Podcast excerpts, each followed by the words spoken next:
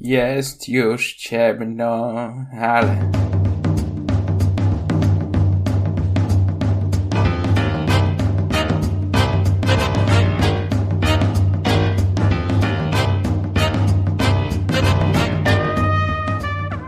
Czy ten dramat dzisiaj czytasz erotyczny, czy nie? Chcesz dramat? Ale to byśmy musieli spodziewać na rolę. No, ale to jest, jak będziemy... Byś musiał Aha. swoją... e, Nie, dzisiaj nie będę czytał. Ja sobie sam to przeczytam Czyli- i wtedy przygotuję. Ja myślałem, żeby to tak zrobić po prostu, że nie wiem jak to długie jest, ale taką stronę, stronę co sekcję na przykład, wiesz, po newsach Sekcję. stronę, czy tam dwie. Sekcje, no. Po newsach stronę. Nie, no to, to i dłuższe. Moglibyśmy taki odcinek specjalny zrobić. Trójka spec special Pichomira. No, jak, jak pan uważasz, no. To odcinek A, no i dzisiaj na nagraniu może Joda mordę piłować. To od razu mówię. Joda może mordę piłować, bo nie ma Doroty, a, a Joda już jest zaniepokojony, dlaczego jej nie ma i za Dlaczego z tobą został? Tak, za każdym razem jak ten, jak ktoś I dlaczego nie masz na sobie spodni? to, to, to, bo jest gorąco. No, tak się tłumacz. Nie, ja tak dzisiaj bardzo nie cierpię na to gorąco, aż tak mi nie przeszkadza, nie, nie To wiem. weź, No kurwa, ja się rozpływam. Kurwa. Może dlatego, No. że na wsi mieszkam po prostu. Ja wyszedłem z, No może. z wanny, wyszedłem U- przed nagraniem i kurwa już spływam cały potem po prostu. A to nie, to ja może mam jakąś lepszą odporność po, po Chinach. Coś może to nie Ja jest. też brałem, brałem kurwa prysznic zimny i dosłownie już teraz zam- zamknąłem okno tutaj i czuję po prostu już jak kurwa płynę. Czuję się jakbym cały czas był pod prysznicem. No, ale wiecie, jak to mają starzy ludzie, że na przykład jest takie 30 stopni, widzisz takiego dziadka, który idzie tam w kufajce, w takiej czapce, bo mu zimno, to może ja już tak mam po prostu, że, że mi to nie przeszkadza. Z dziadek jesteś, tak? A masz tą kamizelkę bomber? No to jest ja, kamizelka bomber. Koszule flanelowe w kratę już masz. Tylko... Nie, taką kamizelkę jak na ryby, kurwa. No to kamizelka taką bomber. Bez rękawnik. Tak, to się tak nazywa? Kiedyś spodnie bombera miałem. Spodnie bombera. A, Jak masz wyglądają rację. spodnie bombera? No, nogawki, nogawki się odpinają. O Jezus, to te... No. A, to ja też miałem takie eleganckie.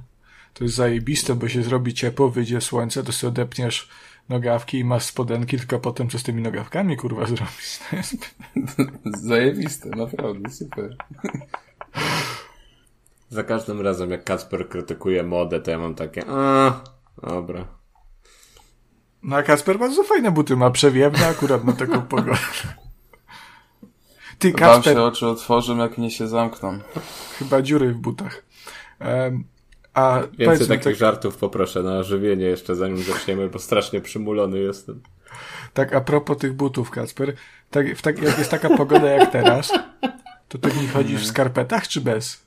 W skarpetach. A to nie jest fopa? Nie. No jak skarpety do sandałów. No, trzeba.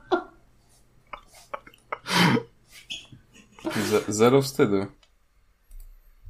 Ja jak byłem, jak byłem młodszy też byłem właśnie taki nie, nieokiełznany i jak mój dziadek nosił, e, to też się, mm, też się z tego śmiałem. No ale widzisz, no, do pewnych rzeczy po prostu trzeba dojrzeć, dorosnąć i wtedy, wtedy po prostu inaczej postrzegasz pewne kwestie. Jesteś po prostu, stajesz się mądrzejszy z ubiegiem lat. No. To tak, to No. ty musisz być bardzo mądry jak na swój wiek, jak już do sandałów skarpety nosisz. No, dziękuję. Dobra, to co, jedziemy? Newsiki przygotowane, wszystko? Ta. Dzień dobry, cześć i czołem. To 45 odcinek Trójkastu i to jest Konrad Noga Dzień dobry, Jezu, jak gorąco. i to jest Kuba Smolak. Dzień dobry, dobry wieczór. Wcale nie tak znowu gorąco na Lubelszczyźnie. E, I to jest Kacper Cembrowski, czyli ja i również dzień dobry. Jest tak gorąco, bo w naszym studiu jest z nami Konrad Noga, który jest niezwykle em, hot ciasteczkiem. Więc to wszystko... Jakbym był Z ciasteczkiem, bieguskiem z czekoladą, to ta czekolada to już by była cała rozpłynięta po prostu po stole. Byłby taki s'mores. Jak to mówią w USA. No, sam ten taki suchy biszkop na wiór wyschnięty by został. Dobrze. E, jeśli chodzi o inne hot rzeczy, to w sumie nie mamy raczej zbyt dużo do omówienia, bo nie było jakoś super ciekawie, chociaż było mnóstwo tych konferencji. Ostatnio E3 się jednak nie odbyło, ale mamy 400 tysięcy innych konferencji, które są mniej lub bardziej ciekawe. Ja myślę, że, że nazwa E3 to już tak trochę jak pampersy są. E, że to jest w zasadzie określenie na ten okres czerwcowy, gdzie są te konferencje. To już nieważne, czy to jest E3 faktyczne E3, czy to jest po prostu luźne konferencje, to zawsze będzie E3 już teraz. Albo tak na przykład jak kamizelki bomber, prawda? Że niezależnie jaka kamizelka, to to będzie po prostu kamizelka bomber. Kamizelka to był biedy, to spodnie bomber, to jest, to jest coś. No, buty bomber. W sumie te Tak ja buty by pasowały. Takie z tymi, z odpinanymi noskami. Że możesz sobie na sandały przerobić szybko. O chuj, ja to patentuję. Na pewno coś takiego już jest. No to musisz to wyciąć, żeby ci nikt nie, nie ten, nie, nie, nie pod, y, podwinął tego. Nie, albo po prostu przed wypuszczeniem tego odcinka skoczyć do urzędu patentowego, zgłosić to. Tak, tak, dokładnie. Ale teraz Konrad montuje z taką prędkością, że nie wiem, czy się wyrobi.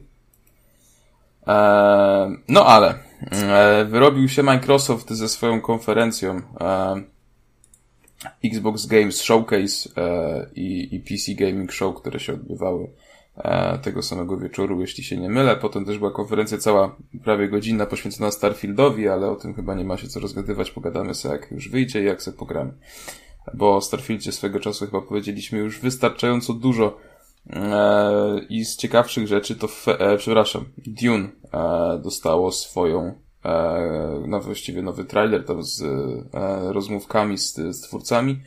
E, ja właściwie nie znam Dune, nie czytałem tych komiksów, tudzież książek pierwszego tego filmu w kinie też nie widziałem.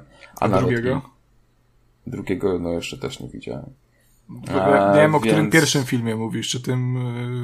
Yy... Nie, no w Co sensie kto mi o robił ten pierwszy no, film? nowy. Fincher? No mi chodzi o ten, co był z dwa lata temu, czy trzy, ten, ten co zrobił tyle szumu. Wcześniej A, nikt ten. Dune'a nie znał. Jak nikt nie znał Duny? Czekaj. Kto to Chociaż ja miałem ten nawet film? na Amidze jakąś grę Dune i ona była na iluś tam Lynch. dyskietkach. I my mieliśmy te dyskietki. I jednej brakowało jakoś i to był taki ból, że się nie dało grać. No, straszna to była rzecz. Mam nadzieję, że to była Duna, tak mi się kojarzy, że to była jakaś Duna, ale, ale tak z pamięci teraz rzucam. Może Duna 2? No, w, ka- w każdym razie to, ta gra nazywa się Dune Awakening of Odd Funcom. Of Funcom, tak ładnie powiedziałem, czy niezbyt? Pięknie. Dziękuję. E, Albo Dune Awakening, nie wiem. No coś z tego. Mam te informacje na swoim wyświetlaczu, na prompterze. Trzeba się będzie do produkcji potem zwrócić. Szukam tego trailera, ty żeś jakoś tak od dupy strony zaczął. Ja po prostu same, same śmietankę dzisiaj wyciągam. Śmietaneczkę. Bez y, rozdrobniania się na, na drobne. Eee, więc no gra na razie w sumie no, no nie mieliśmy super dużo materiału, wygląda to jednak całkiem ciekawie. E, trochę mi to śmierdzi e, takim mieszanką Mad Maxa z Destiny. Nie wiem czy to jest y, dobre, mm, dobre stwierdzenie, natomiast tak mi to Wygląda, nie znamy daty premiery, nie mamy wielu szczegółów, więc właściwie na razie możemy sobie tylko gdybać. Duża marka, e, mam nadzieję, że coś z tego fajnego wyjdzie, bo fajne gry zawsze są fajne. E, kolejną grą, e, którą pokazano jest Fable, e, czyli seria, którą ja pamiętam, bo e, u swojej podstawówkowej dziewczyny, która miała Xboxa albo Xboxa 360, nie pamiętam, grałem właśnie Fable i kopałem kurczaki. I to z tego względu bardzo lubię te. E, mam duży sentyment do tej gry. A to jest to, co z tą brzydką babą, tak? Co się Twitter oburzył.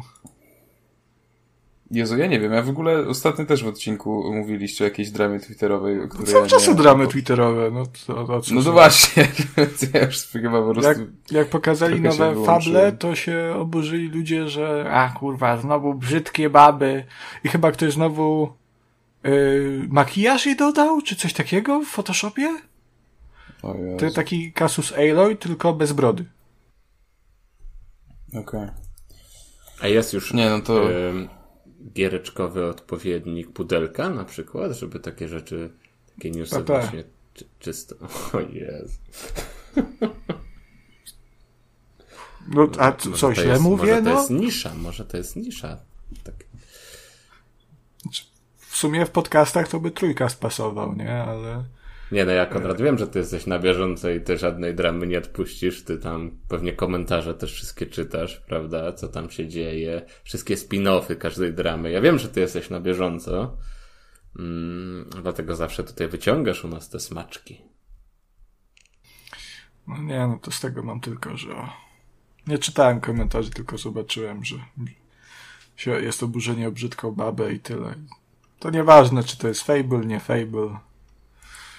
Nie wiem, ja tam do samego Fable nie mam jakiegoś ogromnego sentymentu. Miałem kilka podejść do tej gry, ale zawsze mnie gdzieś tam y, nudziła i odpychała. Nie, nie, nie, nie Może robiło nie to na mnie kurczaków. wrażenia. Tam chyba też było bardzo dużo takiego powtarzania tego samego ciągle. Nie wiem, czy- Tak, bo to była bardzo prosta gra mimo wszystko, nie? Ona była reklamowana tym przez Petera Molino, e, że tam, kurwa, robisz co chcesz, nie? Posadzisz se żołądzia, to ten żołądź wyrośnie na drzewo. I to było takie pitu-pitu, no ale to się sprowadzało, że to była taka przyjemna i urocza się, siekaninka, no ale jednak siekaninka, nie? Ale tak, Ja ma- taka siekaninka w tych samych lokacjach, tych samych potworów, bo tam chyba... Y, Głównie jedynka. Y, Jedynka miała bardzo powtarzalne lokacje, bardzo małe lokacje też. E, Ale już dwójka była dużo, dużo fajniejsza chyba. E, Znaczy mi się dużo bardziej podobała przynajmniej i chyba też była lepiej przyjęta. Nie wyszła na nic poza Xboxem 360, także jak ktoś chce zagrać.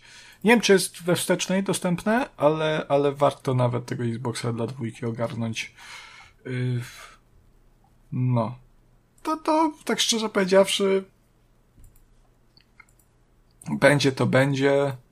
Ale czy jest w ogóle jeszcze miejsce na rynku dla takiego Fable? Bo ja mam wrażenie, że to wygląda jak kolejny po prostu indyk AA. Też myślę, że jest. To byłby ten sam, myślę, rynek, co, nie wiem, Kena, e, Bridge of Spirits.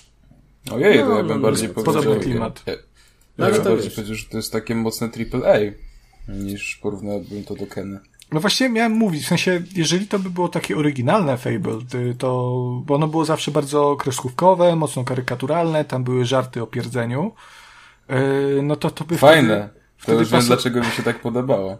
Wpasowa, wpasowałem się do segmentu tam e, Keny, tego Ratcheta i Clanka, dziura w dupie, rift w dupie. Em, natomiast to nie wygląda w ogóle jak Fable. Ani trochę y, klimatem tego nie przypomina. To jest taki trochę bardziej grounded, pamiętam jak oglądam ten trailer. No, coś, coś w tym jest, coś w tym jest. No nie wiem, no zobaczymy, ale e, nie wydaje mi się, żeby to koniec końców wiesz, taki aż wielki szum wywołało, że to jest kolejny Fable. Chyba ta marka już, już czasy swojej świetności ma za sobą Za dużo czasu minęło. i wszyscy się już z tym pogodzili, co nie? Fable 3 to był który? 2011?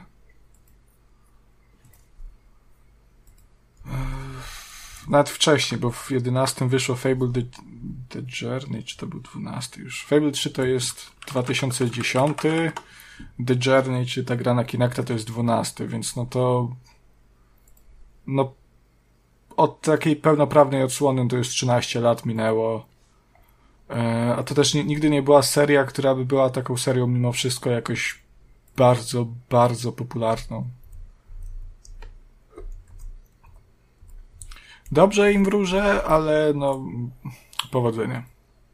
Nie czujesz klimatu. Co? E, nie no, mówię, że dobrze im wróżysz, ale nie czujesz klimatu. E, No nie, nie, nie. E, no ja jestem ciekaw, co z tego wyjdzie. Pewnie nie zagram, a, bo Xboxa już nie mam. Nie wiem, czy to będzie na PC-tach, czy nie, ale wiecie też, jakim jestem fanem grania na PC-tach. Mm, No więc... No zobaczymy. E, w każdym razie, kolejną ciekawą grą, która przykuła uwagę ludzi jest Clockwork Revolution i to jest taka typowo steampunkowa gra. E, przypomina mi e, jedną zabojkotowaną grę z tego roku, więc nie powiem nazwy. Hogwarts Legacy.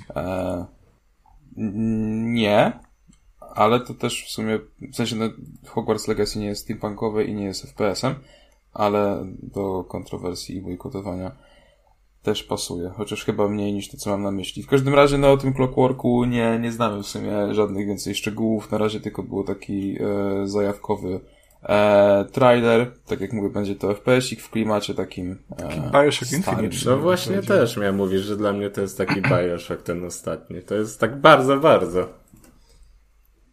W sumie racja, to jest, to jest bardzo trafne skojarzenie. E, no zobaczymy, co z tego wyjdzie. Obawiam się, że to może być kolejny projekt, który teraz fajnie się zapowiada, a potem gdzieś tam e, zginie w tle i jak wyjdzie, to finalnie nawet nie będziemy o tym pamiętać, ale zobaczymy. Życzę jak najlepiej. Pokazałem też Frostpunka 2, czyli e, jeśli się nie mylę, graliście w to i się tym zachwycaliście. Na pewno Nie. Kuba w to grał. Kuba? Że w dwójkę jeszcze nie graliśmy, w jedynkę graliśmy. No, no w jeden Ale... Jak łapie za słówka, patrz, skubany. No nie wiem, nie wiem. No. Je- jedynkę grałem, zachwycałem się, fenomenalna gra, piękna. No, dobrze, do tej, do tej pory mam traumy. No. Mm, No, no i czekamy na dwójkę. No. E, Premiera ma być w przyszłym roku. A teraz coś, co na pewno podekscytuje e, Konrada, ponieważ jest to Persona 3 Reload, Persona 5 Tactica oraz całkowicie nowy wpis w serii, w uniwersum Shin Megami Tensei, czyli e, Metafor Re Fantasio. No to tak, to Persona 3, no to ja podziękuję, bo już to grałem, że to będzie w ładniejszej Ale grafice. tu będziesz, ale tu będziesz miał wersję e, tą z PlayStation 2, nie tą No, z ale PS. to wersję, spe... no to, czyli będę miał mniej. Nie masz ochoty władować następnych 80 godzin w personę? Yy, miałbym, gdyby zawierała mm, również to rozszerzenie FES, yy, a nie posiada Persona 3 Reload, to będzie ta oryginalna Persona, jaka, pierwsza jaka wyszła na PS2, Persona 3 w sensie. Więc nie będzie tam ani epilogu i wątków z y, FES, ani nie będzie tam wątków czy kobiecej grywalnej postaci z e, Persony 3 Portable. No więc ja w takim wypadku, y, no mówię, pocałujcie mnie w dupę. No. Po chuj to takie To jest. czekaj, no, zamiast po co to, to jest? To po co to, za, to jest w ogóle ja nie wiem, zamiast to wydać w takim zbiorczym wydaniu, w sensie może z tym, z tą Personą 3 Portable byłoby trochę ciężej niż z FES-em, e, bo FES mimo wszystko to jest epilog, to się w, w znaczna część gry dzieje na końcu, a Persona 3 Portable jednak bardziej wnika w to, jak to, e, jak to przebiega wszystko. No ale kurde, dałoby się to zrobić, to byłoby dużo ciekawsze, pełne w końcu wydanie, bo Persony 3 FES dalej nie ma nigdzie poza PlayStation 2 za jakieś popierdolone sumy pieniędzy. Yy, oni mi takie, takie coś wciskają. No wygląda to, no ja wygląda to jak Persona, po prostu trochę ładniejsza tak naprawdę. To nie jest jakiś duży, mi się wydaje, skok jakościowy. No bo te persony zawsze były, były takie stylizowane i trójka też była stylizowana, więc ona tam widać, że to jest PS2, ale to jakoś nie kuje w oczy. E, no i cóż, no w Persona 5 Tactica to jest jakaś gra taktyczna, po prostu jakiś spin-off kolejny piątki, tak? Tak, tak, tak. No te spin-offy to mnie akurat w ogóle No, nie... mnie też tak ruszają, średnio to szczerze taktika interesuje. Y, Pewnie będzie fajne, ale w piątkę nie grałem, więc, więc z bohaterami piątki nie mam jakiejś wielkiej e, więzi, żeby, żeby chcieć poznawać ich dalsze losy jak na razie, więc no tak, okej. A to drugie, to, to trzecie to nie wiem, co to jest, w sensie no jakby to jest poniekąd ta sama seria, ale nie ta sama seria, więc... No to jest to samo jak Persona Shin Megami, to teraz jeszcze będziesz miał e, metafor. Re Fantasio. No tak, ale to będzie inna podseria, po prostu Shin Megami Tensei, tak jak Tak, Persona, tak, nie? tak, Więc tak. nig- nigdy nie grałem w żadne inne Shin... Tega... Kurwa, Shin Megami, Megami. Tensei. Po co ci Japończycy takie nazwy trudne wymyślają? Nie mogli sobie, nie wiem, Fallout, Wiedźmin? No cóż, no to, to metafor wygląda dosyć w ogóle e, kiepsko na tym trailerze. Wygląda bardzo topornie, co mnie osobiście e, optymizmem nie napawa, no ale zobaczymy. Umówmy się, E, no to jest japońska gra, nie? Więc No ale są e, zgrabne japońskie gry.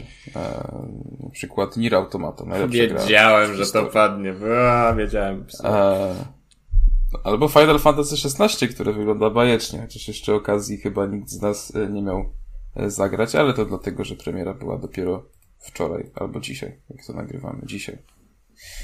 Eee, tak, Starfield, tak jak mówiliśmy, porozmawiamy potem. No i w sumie jeśli chodzi o konferencję Microsoftu, to by było tyle, ale jeszcze pokazano e, trailer Cyberpunka 2077, widmo wolności, czyli nadchodzącego DLC i pokazano datę premiery pierwszy raz i e, dodatek, a właściwie rozszerzenie ma pojawić się 26 września tego roku. Mm, tak się składa, że miałem okazję już zagrać w demo e, tego DLC, e, więc e, mogę wam co nieco opowiedzieć. To czekaj, Fajnie, czekaj, fajnie, zaraz opowiesz, DLC, ale, ale ja muszę sprostować.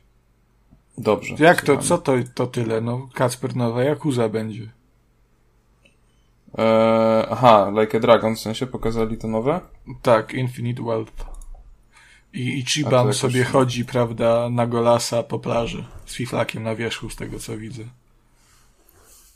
Śmieszne. E, kurczę, ja wam powiem, że od kiedy, e, w sensie, no ja wiem, tak jak już kiedyś Konrad mi tutaj skrzyczał, że Like a Dragon to jest po prostu e, Yakuza, ale od kiedy do Europy weszły części o tytule Like a Dragon, to mam wrażenie, że to jest strasznie takie jakieś... E, Nie, E. nie wypowiada się to tak fajnie jak Jakuza po prostu, nie?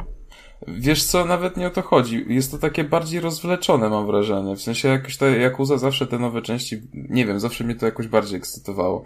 A, a te części Like a Dragon, zresztą grałem w tą, w tą ostatnią, która mi się podobała, nie? Ja wiem, że to był tam remake tej starej części, to jeszcze to mogło kogoś tam mm, przyciągnąć. Ale nie wiem, jakoś kurde do tego Like a Dragon mam takie podejście z, zdystansowane, szczerze To mówiąc. może cię zainteresuje ten Like a Dragon e, Gaiden. No, o tym żeśmy mówili w zeszłym odcinku.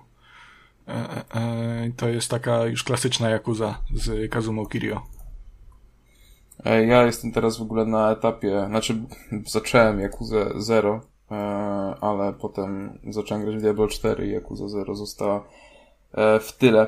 Mm, W każdym razie, no, mi osobiście zdecydowanie bardziej przypada do gustu ten klimat po prostu Shibui, nawet tej starej, niż e, takich samurajskich rze- rzeczy. E, Więc może jak przejdę i się e, napcham tą Jakuzą zwykłą, to wtedy te Like a Dragon mi wejdą lepiej. Ale faktycznie ten Gaiden wygląda dużo ciekawiej. Ale, ale ta siódemka, czyli ten Like a Dragon, nie, siedem, czekaj, kurwa. Yakuza Like a Dragon u nas jeszcze. Mhm. E, mącą z tymi nazwami, no to to, to jest we współczesnych czasach, tylko to jest joderpek. Mm, Aha, no właśnie dobra, bo ja już też, tak jak mówisz, y, trochę zgłupiałem, bo tu masz Like a Dragon, Ishin Like a Dragon, coś tam Like a Dragon, jeszcze inne i masz Yakuza Like a Dragon. Tak, teraz Tak, główną serią, właściwie kurwa już nie wiem, co jest główną serią, nie, bo Yakuza przeszła w Like a Dragon i, i kolejne Like a Dragony, te takie bez podtytułów, to będą JRPG z tego, co rozumiem. Natomiast te klasyczne Jakuzy, tudzież Like a Dragony, to teraz będą Like a Dragony Gaideny i tam się będziemy prać po mordach y, w brawlerowym stylu. Y, Do tego jeszcze ten Like, like a Dragon Ishin historyczny. Yy, No i co, pewnie jakieś pacinko, nie? Jakieś jest gdzieś, 100%. Em, Po tym na pewno wszyscy słuchacze doskonale rozumieją, e, o co tu chodzi. W Yakuzach i Like a Dragonach, a jeszcze w tle mamy przecież Judgment. E, no, zawiłe się to robi. No poza tym Kacper pokazali jeszcze nowy, yy, nowy dodatek do Fallouta 76 No ale to co chwilę są i, DLC. i nowy dodatek do The Elder Scrolls Online, w którym opowiem o przysz- na przyszłym odcinku. O, To ja super. też chcę zrobić dwa wtrącenia. Ja bym chciał o Senua's Saga Hellblade 2 powiedzieć, że pięknie wygląda i czekam i to A chyba to już był... pięknie wygląda od 40 trailerów, to już niech wydadzą tę grę wreszcie. No, Ileż można ale to chyba dla mnie był najładniejszy trailer z tej całej konferencji. Tak mi się najbardziej podobał i naprawdę oglądałem to z taką ekscytacją, co tam się wydarzy.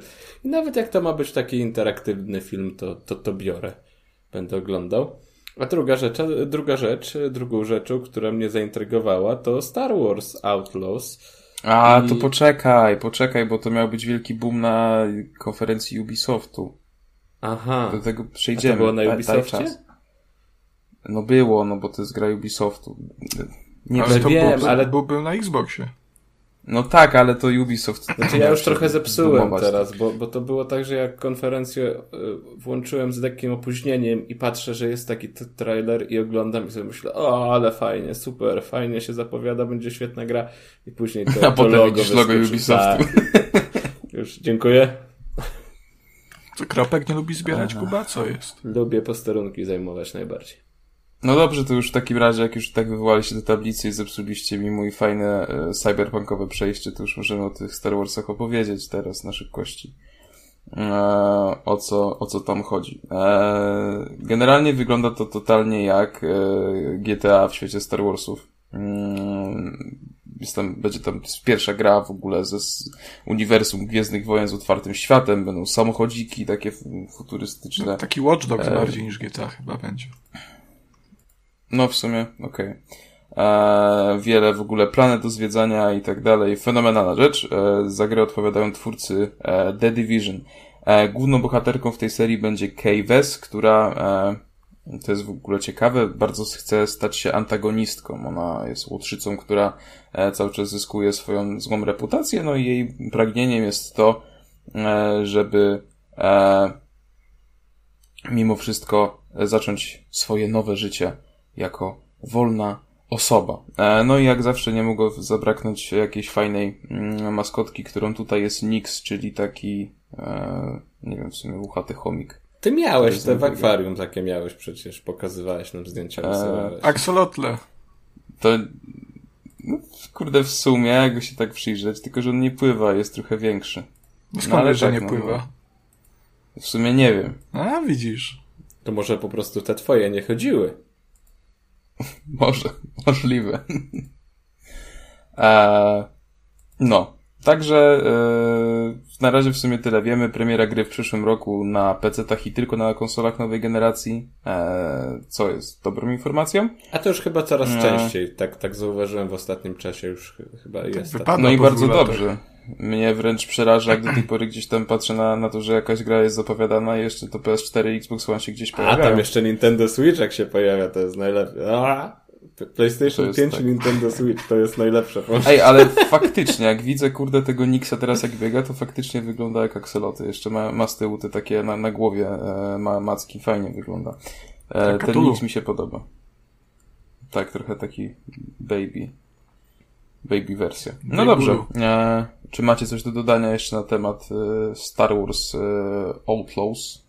No, ja, tak, ja jestem za, za, zaskoczony. Ciekawostka, nie było dramy o wygląd głównej bohaterki. Szok. A nie o to, że jest kobietą w ogóle, więc... Ale jesteś no, zaskoczony czy, czy zawiedziony? Zasko... Znaczy, kurwa, no raz, że zaskoczony, trochę zawiedziony, bo ja lubię te dramy. Ale ty nie bierzesz nigdy aktywnego udziału w tych dramach, Konrad. Nie, no nigdy. No w roli bo, obserwatora jesteś. Debili tak nie przekonam. E, a jeszcze chyba tylko nie dopowiedziałem o tej Keyves, e, bo zacząłem narrację, ale gdzieś uciekłem myślami, e, że ona pragnie być w ogóle wpisana na listę najbardziej poszukiwanych osób w galaktyce, więc szykuje się nam szalona historia. Czyli pięć gwiazdek policji będzie za nami genialnie. Tak, tak. Ja przewiduję fabułę. będzie chciała być zła przez pierwszą godzinę gry, e, potem no spotka się. kogoś, kto jej powie, że nie, nie, no, nie, nie, Konrad, kurde, Kejwes, to trzeba być dobrym, jasna strona mocy, kurde, Felek, e, i będzie dobra, i będzie walczyć ze złymi, tak jak kurwa we wszystkich tych grach, tak samo jak Force Unleashed i tylko ja ci tutaj grał. poprawię, bo to jest gra Ubisoftu, czyli przez pierwsze 20 godzin no, będzie chciała być zła. Później przez następne 20 nie będzie wiedziała, później przez następne 20 nie, chyba, chyba tego tak nie rozwodnym jak Valhalla. Mi się wydaje, że to będzie jednak bardziej zbite. No to jest Ubisoft. Będzie tylko na 150 godzin, nie na 380 i zakończenie będzie dopiero w 17 DLC. Czyli będzie rozwodnione przez 150 godzin. To wszystko ciekawe tak. w pierwszych 5 minutach wcisnął, a potem będzie typowy Ubisoft. No to tak brzmi... Sounds right, nie? Będzie, tak będzie. E, no cóż. E, no dobrze. E, przechodząc e, dalej, a właściwie wracając do tego Cyberpunka, e, tak jak wspomniałem, miałem okazję zagrać w demo tego dodatku, czyli Widmo Wolności, tudzież Phantom Liberty.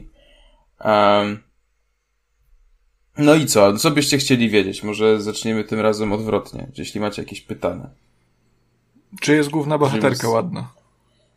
E, to zależy, jak sobie ją stworzysz. Możesz też mieć przystojnego głównego bohatera.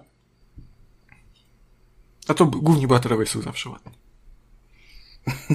A, Czy- lewaki czy- wciskają czy- teraz czy brzydkie bohaterki. Jeszcze raz. Czy e, bugi Kuba? są? E, lagi. Lagi były dopiero w momencie, Lagi, jak... E, nie lagi. co było? Cię nie słyszę. Ile? Jaki stary dziadek, co? Co było? Kacper No taką mów, trąbę mów. teraz przykłada jak na bajkę, wiesz. No. Czy, czy, czy błędy były, czy glicze były? A, błędy.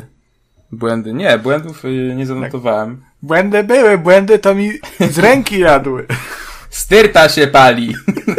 Syn jest w domu, tak. Ja nie wiem, kto podpalił. E, dobrze. E, błędów nie, nie, nie zanotowałem. Pojawiły się ewentualne lagi i błędy e, dopiero w momencie, kiedy mnie wypuszczono na e, otwarty świat, ale to jeszcze było coś, gdzie nie powinienem do, końca dużo eksplorować, więc mm, e, domyślam się, że do momentu premiery się to zmieni. A przynajmniej mam taką nadzieję. W każdym razie może opowiem troszeczkę o nowych postaciach, bo zadajecie niezwykle nieciekawe pytania. E, I jest to przede wszystkim Songbird, która mam wrażenie, że będzie nową taką e, Panam i, i... Boże, Lucy? Nie, Lucy to była w tym anime. Judy. E, Judy. Judy. E, Kacper ma krasza jest- nowego. A, przy- Nie mów Cześć, tego, czeka się kurwa. Matylda dowie, kurwa, będziesz miał danie. Ja mam innego krasza, ale zaraz do tego przejdę. No ja wiem, e, Songbird nie. jest Songbird jest netranerką, e, która jest e, Kim no, jest? taka intrygująca. Na trenerką. Netranerką. Tak. E, I ona jest też prawą ręką e, pani prezydent, e, która nazywa się Rosalind e, Myers. Myers. Nie wiem, ponieważ nie ma tam ani A, ani E przed Y. Jest Myers. E, nie pamiętam jak to wypowiadali. W ogóle co ciekawe, mm, ja miałem e, DLC, to, to demo w wersji angielskiej, jak potem rozmawiałem z innymi ludźmi e, już po sesji grane, to oni mieli mm, w wersji polskiej. Także, Ja znalazłem, jak to się wypowiada. Jak? To jest... Mmm, years. A, okej. e, no to tak. E, no, to Sogbert jest też prawą ręką Myers. E, i, I w sumie wiemy o niej tyle, że mm, ogólnie całe, całe demo zaczyna się od tego, że jest e, atak. Atak na e, latający statek z panem prezydent. Mm, No i my musimy e, polecieć ją uratować. W tym nam pomaga Songbird, natomiast po tym ataku po prostu ona e, z jakiegoś powodu e, znika. Ten statek, przepraszam, teraz e, właśnie e, znalazłem, nazywa się Space Force One. Statek, w, którym leciała pani Myers. Ale słaba E, nazwa. Czemu? No taka generyczna bardzo. To jest Kuba, bo ty nie rozumiesz, to jest nawiązanie do Air Force One. A, Ty nic Tych nie butów Nike. Tak, czy nie? Jak w butach leciała, to pewnie tak. Eee, dobrze, no w każdym razie. e, ca- całe wydarzenie, całe zestrzelenie e, tego e, SFO obserwujemy z mm, dachu stadionu. E, Zresztą tam jest bardzo ładnie. E, No i potem lecąc, już biegnąc właściwie do, do tego e, miejsca wypadku, e, napotykamy się na mnóstwo żołnierzy i wtedy zaczyna się już pierwsza e, Mamy okazję zobaczyć wtedy pierwszą dużą nowość w tym DLC. Mianowicie chodzi o to, że mamy bardzo dużo dróg do wybrania. E, dla przykładu ja jestem akurat y, dosyć tempakiem i mam e, proste myślenie, jeśli chodzi o gry, więc po prostu wpierdoliłem się tym samochodem. E, wszedłem w otwartą bójkę ze wszystkimi i no, oczywiście wyszedłem z tego zwycięsko, bo grałem na bardzo łatwym poziomie trudności. Na- Na tarczy Ale- wyszedłeś, tak? Tak. Nie, starczy. A, mam cię, sprzedał się. E, wyszedłem z tego z, z tarczą. No i właśnie e, tam, jeśli e, możecie tę walkę całkowicie pominąć, jeśli nie będziecie jechać samochodem, a będziecie po prostu iść e, i odpowiednio szybko się zorientujecie, że tam jest wielki patrol, możecie ich ominąć i dotrzeć na e, miejsce bez w ogóle wdawania się w jakiekolwiek e, potyczki. Natomiast jeśli już e, w tę potyczkę się, się wdacie i pokonacie wszystkich żołnierzy, to e, jest tam e, Boże, zapomniałem znowu nazwy. Mm, Afałka, okej, okay, tak się to nazywało. E, czyli ten statek jakby, który oni wzywają dla, dla wsparcia. Możecie ją zhakować i wtedy, mm, według zapewnień ludzi CD Projektu, a ja im wierzę, e, e, to w późniejszym no, to etapie... Odważnie w późniejszym etapie DLC, e, jeśli wrogowie będą próbowali w jednym, w jakimś tam specjalnym momencie wezwać AV-kę ze wsparciem, to po prostu ona nie przyleci, ponieważ ją schakowaliśmy na początku. Bardzo fajne. E, tak też jest e, w innej sytuacji, kiedy razem z naszą prezydentką Miers e, chowamy się w e, budynku, no i wtedy w, nagle, w takim opuszczonym budynku na, na wysokim piętrze, wtarga tam dwóch mężczyzn. E, no i mamy opcję albo po prostu od razu zacząć, mm, e, możemy od razu zacząć do nich strzelać, albo możemy pójść z nimi na ugodę i no, oni tam potem mogą być posta postaciami, którzy e, będą się jeszcze dalej w tej historii przewijać. Mm, także spoko, spoko opcje. Takich w ogóle opcji ma być dużo więcej. Też to demo przedstawiało, tam pominęło z dwie godziny rozgrywki, więc nie miałem też na wszystko wpływu, mm, ale kiedy spotkałem E, Salomona Rida, bo to jest kolejna nowa postać grana przez Idrisa Elbe, e, czyli e, coś, czym tak naprawdę sygnowano ten dodatek, który jest kryminałem, takim szpiegowskim thrillerem i właśnie Idris Elba jest agentem FIA, który teraz jest taki troszeczkę człowiekiem widmo. Mm, natomiast jako, że pomagałem Myers, no to w końcu będziemy się musieli do niego odezwać po, po pomoc. Konrad, proszę, przestań mi spamować jakimiś rzeczami na Discordzie, bo staram się skupić i sensownie wypowiedzieć, a tylko co chwilę mi coś blinka w słuchawce. To są bardzo i... ważne rzeczy, które nie nadają się do puszczenia na odcinku. Dobrze, w każdym razie, jeśli już poznamy tego Idrisa Elbę e, i kiedy jedziemy z nim do Myers, bo oni się znają i chcą porozmawiać na temat e, całej sytuacji e, zestrzelenia tego, e, tego e, SFO mm, i jakby omówienia przyszłości naszych działań, no to napotykamy się na jakiś tam łotrów, którzy nas zatrzymują, musimy ich zestrzelić, no jest taka potyczka samochodowa, no i okazuje się, że na to mamy wpływ my. A akurat w tym demie po prostu CD Projekt chciał to pokazać, więc założył, że miałem tam jakichś wrogów. Natomiast faktycznie, jeśli wdacie się w jakieś potyczki, to będziecie po prostu mieli ogon i będą was jakieś gangi prześladować na ulicy. A jeśli e, będziecie grać bardziej rozsądnie, że tak powiem, no to po prostu takich nieprzyjemnych sytuacji będzie zdecydowanie mniej albo nie będzie ich wcale. E, więc to jest bardzo nie, nie odpowiem na tę wiadomość. Więc to będzie bardzo, bardzo fajny dodatek i ogólnie, e, no, decyzje, wybory faktycznie bardzo dużo w tej grze e, znaczą. Co jest bardzo spoko opcją. I jeszcze co jest ciekawe, to oczywiście tutaj w dodatku dalej mamy do czynienia z Johnem Silverhandem, czyli Keanu Reevesem, i Keanu Reeves w ogóle jest mega wkurwiony na V i bardzo nie lubi całego tego pomysłu e, pomagania Myers i, i w sumie zadawania się z Reedem, e, więc e, jest, jest wesoło, no bo jak wszyscy wiemy, e, Silverhand jest bardzo postacią taką e, no jaskrawą, nie? Dobrze, nie, chyba tak się nie mówi. Kolorową. Kolorową i tam jakby widać cały jego koloryt. A powiedz mi, y, to się fabularnie dzieje po wydarzeniach z podstawki, czy gdzieś to jest wplecione w trakcie? Mm, wydaje mi się, że po. Natomiast y, wiesz co, z tego, no, demo było około godzinne, więc y, też nie mogę e, jakoś szczególnie dużo powiedzieć. Natomiast e, cała akcja w ogóle odbywa się w Dogtown. Nie w Night City, tylko w Nowym Mieście. W ogóle Dogtown mi się mega spodobało, bo jak Night City było, miało taki klimat trochę Stanów Zjednoczonych, trochę takiej Shibui, dużo neonu, wszystko takie mega futurystyczne. Tak Dogtown jest bardziej takim Hongkongiem. Warszawą. Warszawą chyba nie. Ale no jakby jest całkowicie inny klimat. Oczywiście no wszystko jest takie futurystyczne, dystopijne i tak dalej, ale, ale jest czuć, że jesteście w innym miejscu niż w podstawce. Mm, I no nie wiem, chyba, że szukają jakiś twist, ale wydaje mi się, że ogólnie nie spotkamy nikogo e, z, z podstawki na swojej e, na swojej drodze. A tam jakieś mają być te jeszcze wojny gangów chyba wprowadzane. Yy, miałeś okazję się pobawić w to? Nie, wiesz co, e, ogólnie mm, jako, że mieliśmy około godzinę nagranie, to e, kiedy wyszedłeś jakby z tego pierwszego aktu, który był takim wprowadzeniem, to był wybór, albo bawisz się otwartym światem, albo lecisz, żeby zobaczyć w ogóle Idrisa Elbę. E, ja postawiłem na tę drugą opcję.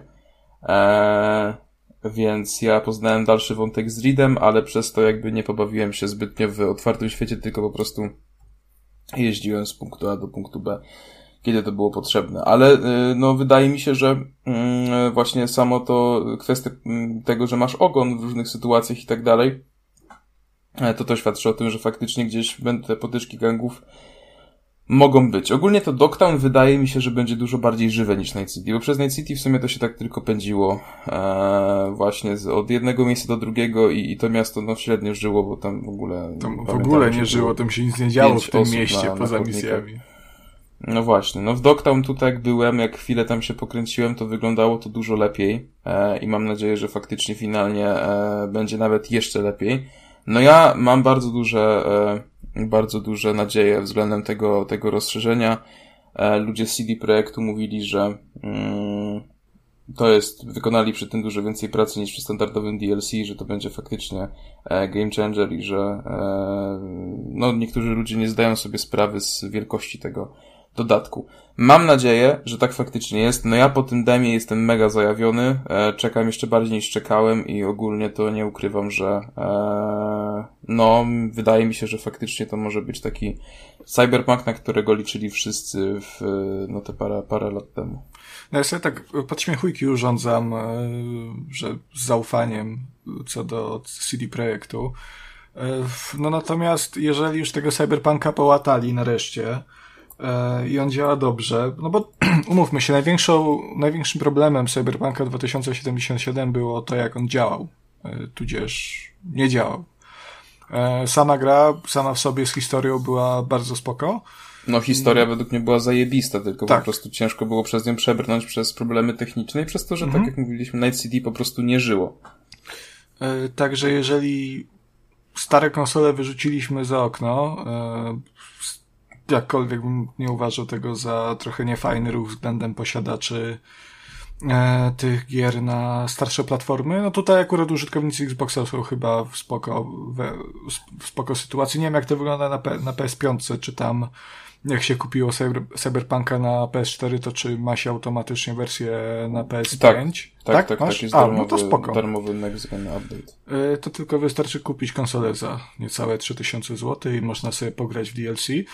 E, no to mimo wszystko troszkę tak, im dłużej, znaczy im krócej jest e, do premiery, tym bardziej czuję taką ochotę powrócenia do um, Night City, czy też raczej w tym przypadku Dogtown. Um, I sprawdzenie, jak to wygląda teraz po, po patchach i, i, i e, żeby móc poznać tę grę trochę na nowo, z nową historią, z nowymi miejscówkami, um, chyba mechanikami też, bo tam jakiś był kompletny rehaul e, tak, w ogóle co ciekawe, dodali całkowicie też nowy system sterowania. E, e, w sensie nowy setting możesz sobie ustawić. E, domyślny jest inny, ale dodali coś, co nazywa się bodajże klasyczny i to jest ten, który był w Cyberpunku w podstawce. Mm, to ja już i tak nie pamiętam. Tam... no tak, ale, ale chodzi o to, że sporo tam pozmieniali, no i faktycznie ogólnie poza jakby fabułą i miejscem, co już i tak jest dużo, to są też nowe mm, nowe aktywności, na przykład jakieś zrzuty czy, czy misje kurierskie, e, Death Stranding, e, ale będą też właśnie nowe, będzie nowe drzewko atutów, e, gdzie będziemy mogli rozwijać swoje umiejętności, przypisane jakby do naszego stylu gry, czyli możemy iść bardziej w Netrunnera, możemy iść bardziej w po prostu osobę, która biega z pukawką. Będą też nowe ubrania, jakieś tam samochody, no po prostu będzie dużo nowej zawartości, więc faktycznie ten CD Projekt się napracował przy tym DLC.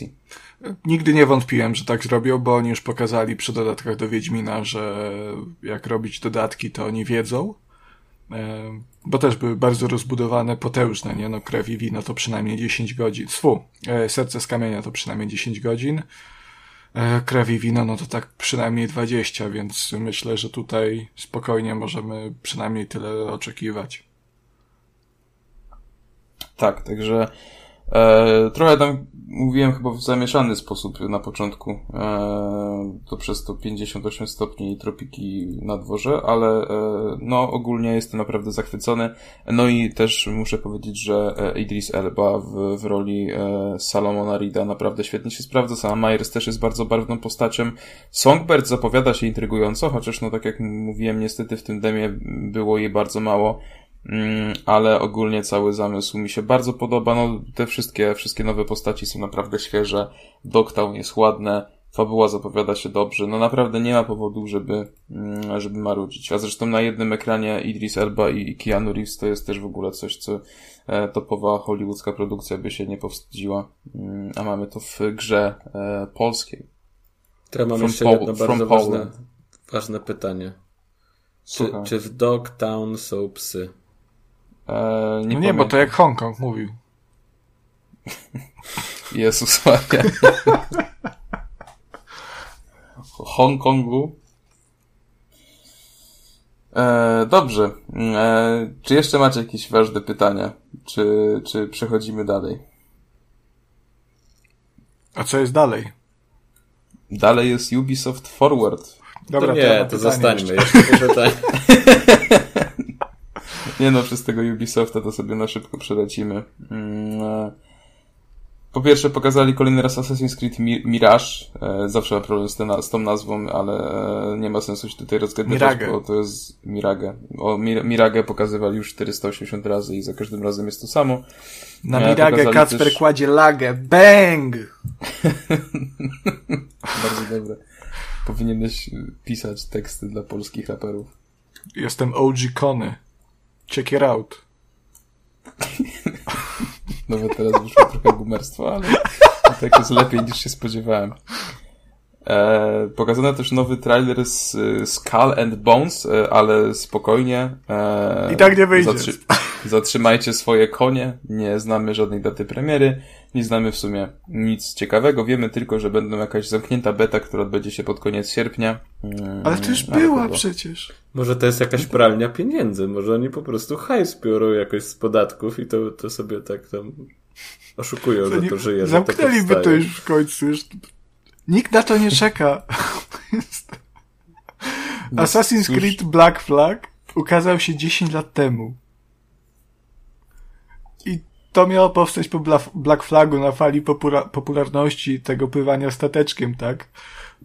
Nikogo no to, to nie obchodzi. No tak, no już nawet raz była pewna data premiery, no przecież gra była chyba ozłocona. No słuchaj, słuchaj, no, zdjęli na... status złotej płyty. No ale dobra, no Dead Island 2 też miało nie wyjść, a wyszło podobno cudownie, więc no może no, Skull and Bones się okaże jakimś Lepiej, lepiej niż myślałem, ale cudownie bym nie, nie nazwał. No, w każdym razie e, pokazano też The Crew Motorfest, które jest taką Forza Horizon 5 w domu. E, ale ja oraz... czekam, ja czekam. Też mam taki vibe, że to będzie po prostu Forza Horizon dla e, fanów Ubisoftu. E, no ale nie Chyba wiem, coś no... brzydszego chciałeś powiedzieć niż fanów Ubisoftu, ale... No i tam, no i tam. nie, pomidor. E, no, natomiast, no nie wiem, no nie z The Crew łączy jakaś taka więź.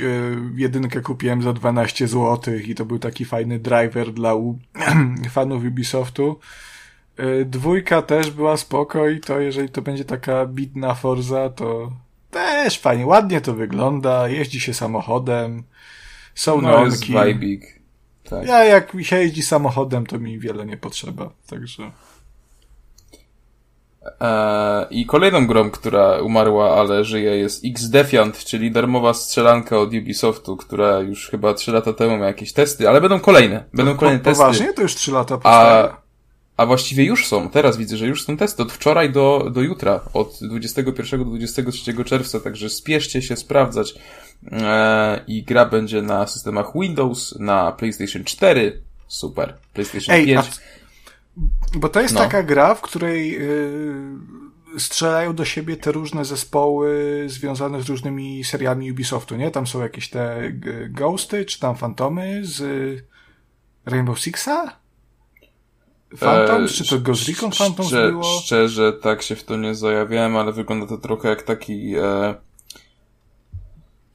Trochę mi to przypomina ogólnie vibe'em Valoranta czy jakiegoś Apexa, ale coś, co stara się bardziej X. wyglądać jak Call of Duty, ale mu nie wychodzi. No nie wiem, ja nie czuję tego. Ogólnie nie wiem. Ja to ma być taki crossover powiedzieć- z tego, co czytałem właśnie serii Ubisoftu.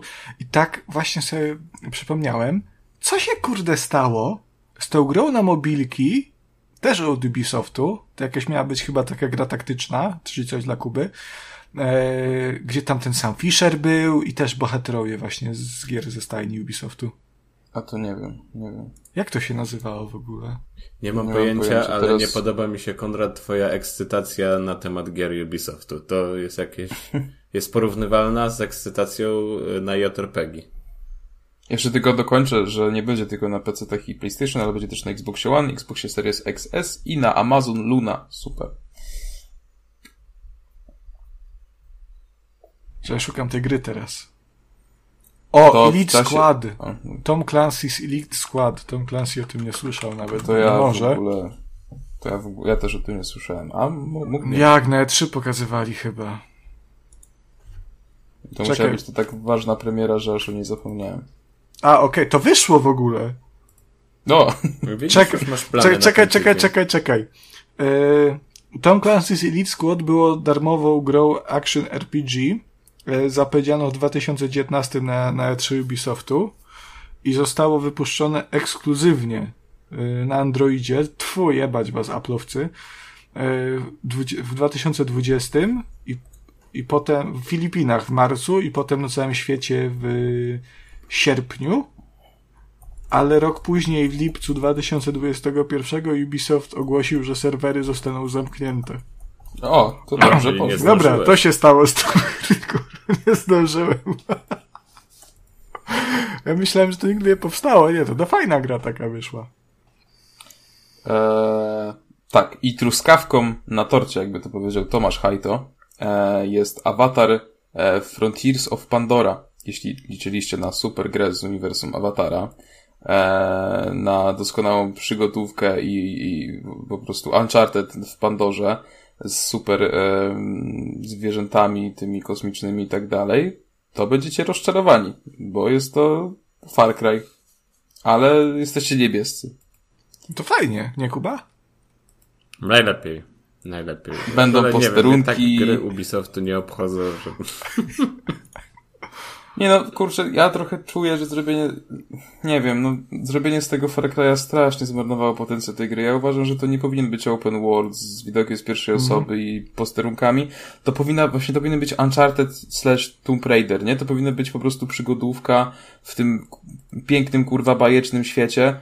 I to by wtedy naprawdę według mnie siadło, jakby zrobili taką liniówkę. No nie, bo ja naprawdę liczyłem po prostu na, na coś w stylu na przykład jak e, Star Wars Jedi, seria. Zajebiście mi się to podoba. I miałem nadzieję, że właśnie Avatar, a zresztą ogólnie mam wrażenie, że robienie gier z takich dużych serii, e, marek, które już mają swoją popularność, zobaczę na Guardiansów od e, Square Enixa bodajże.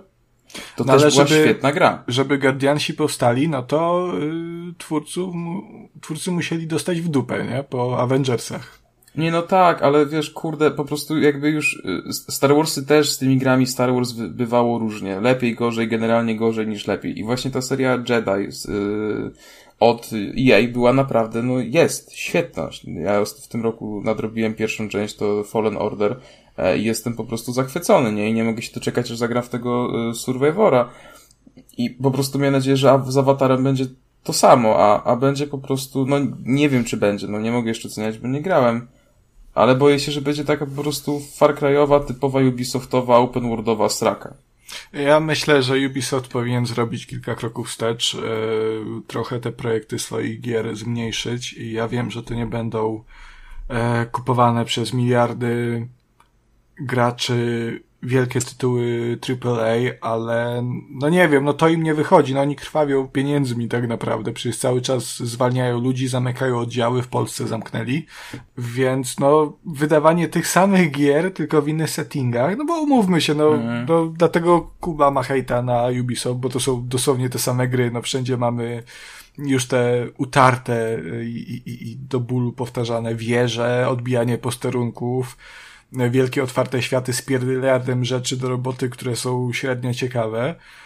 E, Nie, oni, kurwa, oni powinni wrócić do troszkę chyba swoich dawnych czasów, kiedy robili mniejsze, ale ciekawsze i bardziej sfokusowane gry. Yy, no nie wiem, Prince, Prince of Persia, ja wiem, że nowy powstaje, natomiast on się bardzo nie przyjął. zajebiście ten nowy wygląda. Mi się podoba, ale on mi się strasznie podoba, autentycznie. Wygląda spoko, to nie jest kompletnie Prince of Persia, którego znamy, ani to nie jest ten klasyczny faktycznie, ani ten e, nowożytny po To po prostu nie jest taki, jakiego gracze sobie wymarzyli. I chyba, Tak. nie wiem, to, to, to jest taki zawód. To nie jest zły, ale po prostu każdy liczył na, Mhm. na coś innego. E, No tylko, że wiesz, że jak powstały zapomniane piaski, to one też nie wyszły, nie? Także... Ty, a to po, powstał w końcu ten y, remake, remaster, cokolwiek tych, tych piasków właśnie? spokojnie, nie denerwuj się, e, Andrzeju. Skas skasowali to chyba. O, super! No, czekaj. Nie, szkoda, szkoda, tak szczerze szkoda, bo ja akurat na to, na, na to dosyć czekałem, chociaż ten trailer, co wypuścili, to sklekajcie narody, nie? A, a ty grałeś w tego popa, tą trylogię nową? Czy nową, no, nowszą? Grałem w jedną część jakąś i mi się podobała, ale ja wtedy miałem 5 lat, więc Dobra, znalazłem informację, że remake Prince of Persia The Sands of Time nie został skasowany, ale to jest informacja z czerwca, ale zeszłego roku. Mm, okej. No, No takie kurwa, to już rok temu było. Skull and Bones nowe. No, e, No cóż. Nie, no to jest do zaorania trochę i po A to jest, e, przecież nie wiem, czy pamiętacie o takich grze jak Beyond Good and Evil 2, swoją Ale- drogą. Od ile to już powstało? Tak, a 15 propos. lat? W którym roku No aż pierwszy tyle to chyba nie, ale, ale nie no, bardzo pierwsze, dużo. tam był news, że to powstaje du, du, dłużej niż powstawał Duke Nukem Aha, Forever. No to okej. E, Duke A Nukem racja, Forever. racja. E, to A chyba ja w ostatnio 2007 to jedyneczkę sobie na Gogu kupiłem i nawet zagrałem chwilkę. A co, co kupiłeś? E, Jedynkę. I jak? E, Nie, jeszcze nie, nie jestem w stanie się wypowiedzieć. Na początku miałem problem, żeby to w ogóle uruchomić, bo tam w za szybkim klatkarzu działało, E, ale jeszcze... To będzie, na, nie, nie mów więcej, to będzie na odcinek retro. Dobrze, Ka- może kiedyś. Kasper, pierwszy trailer Beyond Good and Evil 2 to jest 2008 rok, czyli dokładnie 15 lat powstaje. Ale to będzie dobra gra, yeah! Ale ją to pracują, nie? Nawet Wszystko jednego najmniejszego błędu nie będzie, ale będzie wyszlifowane.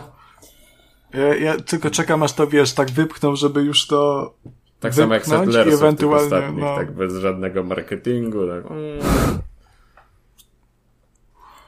No, ale kończąc wątek e, Awatara, mm, to gra pojawi się 7 grudnia tego roku. E, No i to jakby tyle słowem. awatar, o awatarze gadaliśmy. Tak, Ubisoft Foru to jeszcze pokazano inne gry, ale one naprawdę e, raczej nikogo, e, bo to już były gry, do których wszyscy wiedzieli dawno temu, więc no, o nowym trailerze Trackmania albo Rocksmitha Plus chyba nie ma sensu, albo o Just Dance 2024. Nie ma Jakiś ten będzie. Assassin's Creed Nexus VR. E, tak, na Oculusy, e, no ale na razie nie pokazali żadnych konkretów, więc e, niech się wysilam, wtedy będziemy e, o tym mówić w trójkaście. Ja tylko tutaj e, mam taką wizję, że Ubisoft padnie na przestrzeni najbliższych lat, w końcu ktoś ich kupi i będzie tylko doił te ich naj, najsłynniejsze serie i tak to się skończy. Czy, no nie ktoś, THQ Nordic, nie? E, Ale przepraszam, bo zapomniałem powiedzieć, tylko chciałem jeszcze sprostować, że e, grałem w Cyberpunka z ramienia Antywebu i tam też jest tekst pisany z wrażeń. Także Link w zapraszam. opisie. Co jest?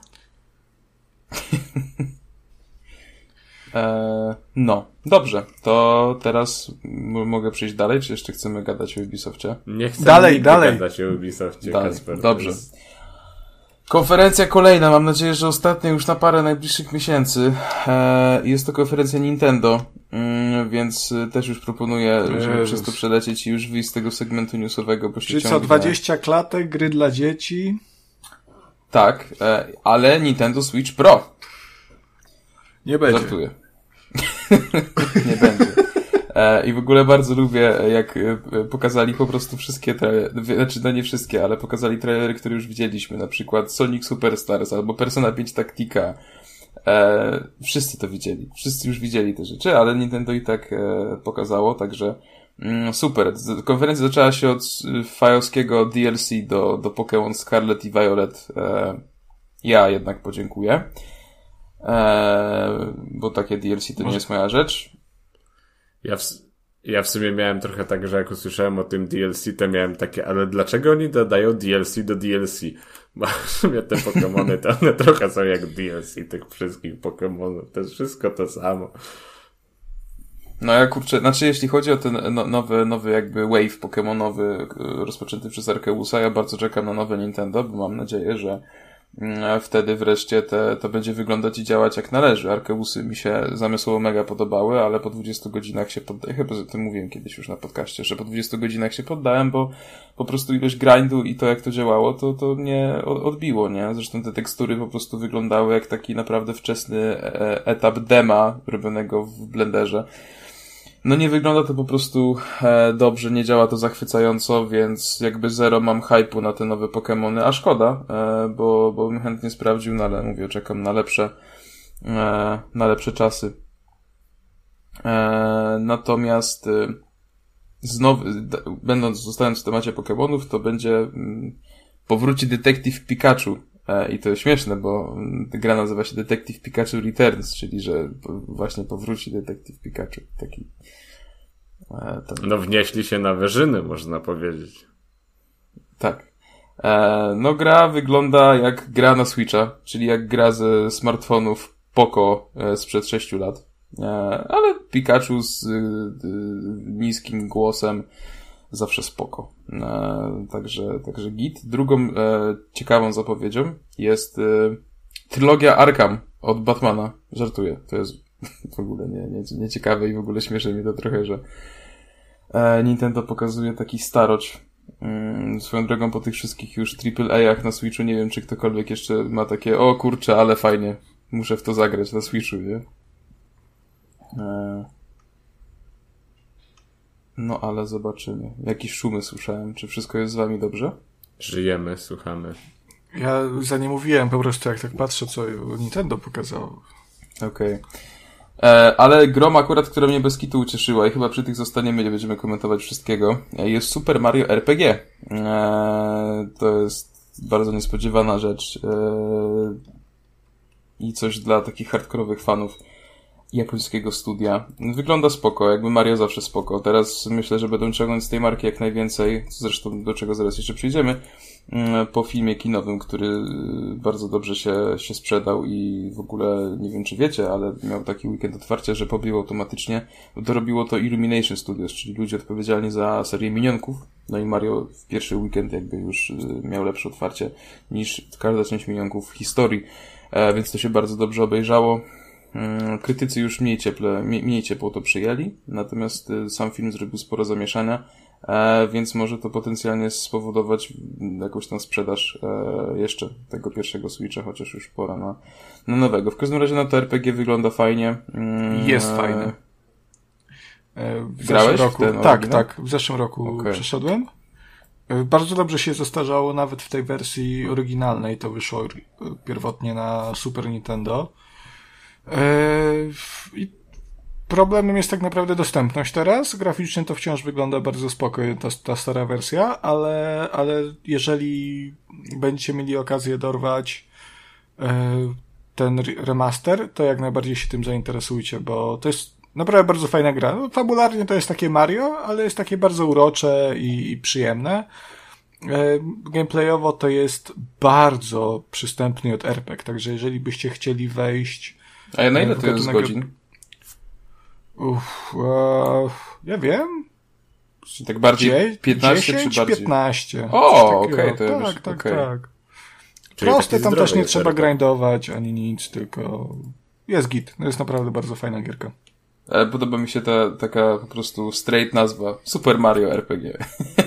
No, ale to, tak kiedyś było Super Mario Kart, to co, co innego. Nie, no tak, ale, ale wiesz, jakby po prostu to jest tak dla mnie, jakby gdzieś tam zapisali pomysł na kartce, yy, że o, robimy, dobra, RPG w świecie Super Mario, nie? I tak potem, a chuj, dobra, już niech będzie.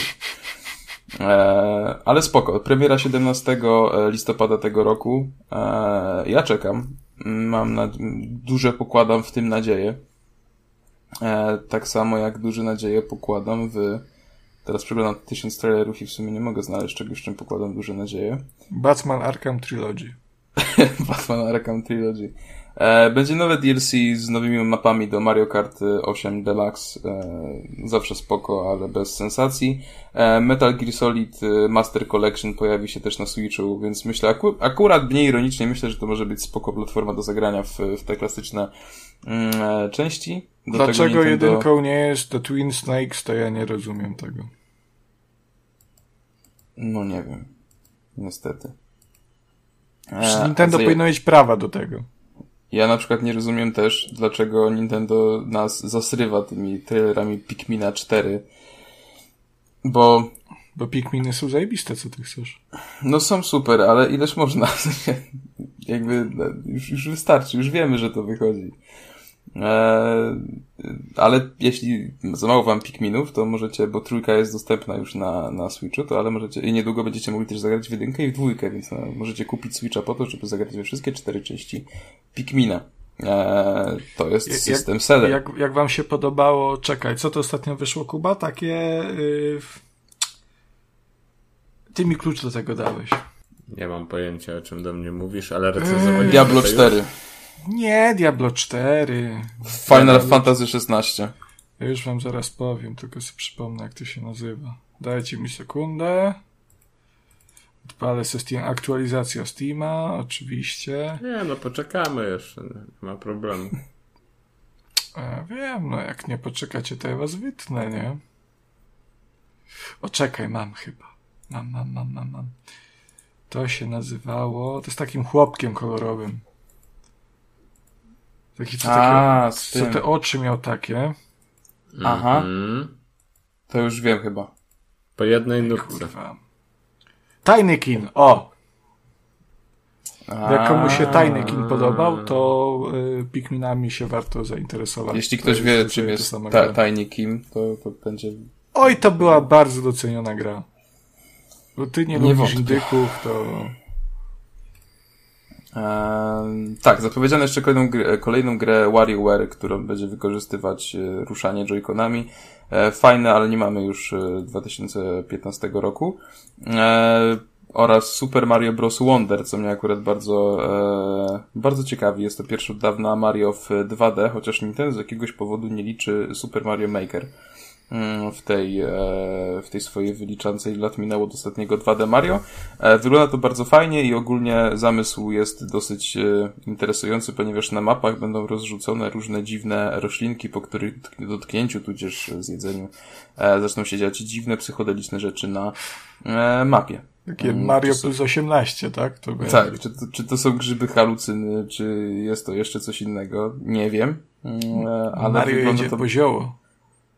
Wygląda to bardzo fajnie. E, także e, ja czekam. Mm, zresztą Mario zawsze super, nie? E, jeszcze mówię w dobie tego filmu. No i premiera 20 października tego roku. No i też księżniczka Peach dostanie swoją nową grę, mm, ale tam mm, wielu szczegółów nie, nie zdradzono. Także tak jak mówiłem, no Mario jest teraz wysysane po prostu do do cna, ale to akurat spoko. W sensie, no wydaje mi się, że, że Switch jest teraz na takim etapie e, hardware'owym, że to jest chyba jedyny, jedyny sposób, żeby tworzyć takie proste gierki z, z kochanych uniwersów i liczyć po prostu na to, że, że za rok już będziemy mieli Nintendo Direct z nową konsolą. Just Dance hmm. 2024 jeszcze będzie, to jest taki ważny gier. E, e, tak, tak, tak, tak, Just Dance. Mhm. E, przepraszam, zapomniałem o tym wspomnieć. E, troszkę mi troszkę niestety. K-pop będzie, to ważne. Dobrze, to tyle jeśli chodzi o newsy. E, bardzo długi był ten segment, Właśnie bardzo dużo znowu konferencji. Było, szybko miało pójść, prawda? Tylko najważniejsze tematy, obskoczymy, raku ciachu. Kasper, no, ale DLC o... będzie do Mario Kart. Ale o Cyberpunku też troszeczkę powiedziałem, to trochę się czuję taki mimo wszystko rozgrzeszony nieco. No, dobrze, to teraz yy, oddaję głos. Oddaję głos y, Kubie, Proszę który nam opowie pałeczkę. o wersjach demonstracyjnych yy, indyków. Tak, dzisiaj nie będzie indyków jako zapowiadajek indyków, ale będzie o dwóch demkach, które miałem okazję ograć. Chciałem ograć więcej demek, zawsze tak mam, że jak ten festiwal Game y, Steam Next Fest nadchodzi, to, to mam takie, że i w to sobie zagram, i w to sobie zagram, a koniec końców czasu brakuje. To, że udało mi się dwa dema ograć, to już uważam za, za spory sukces.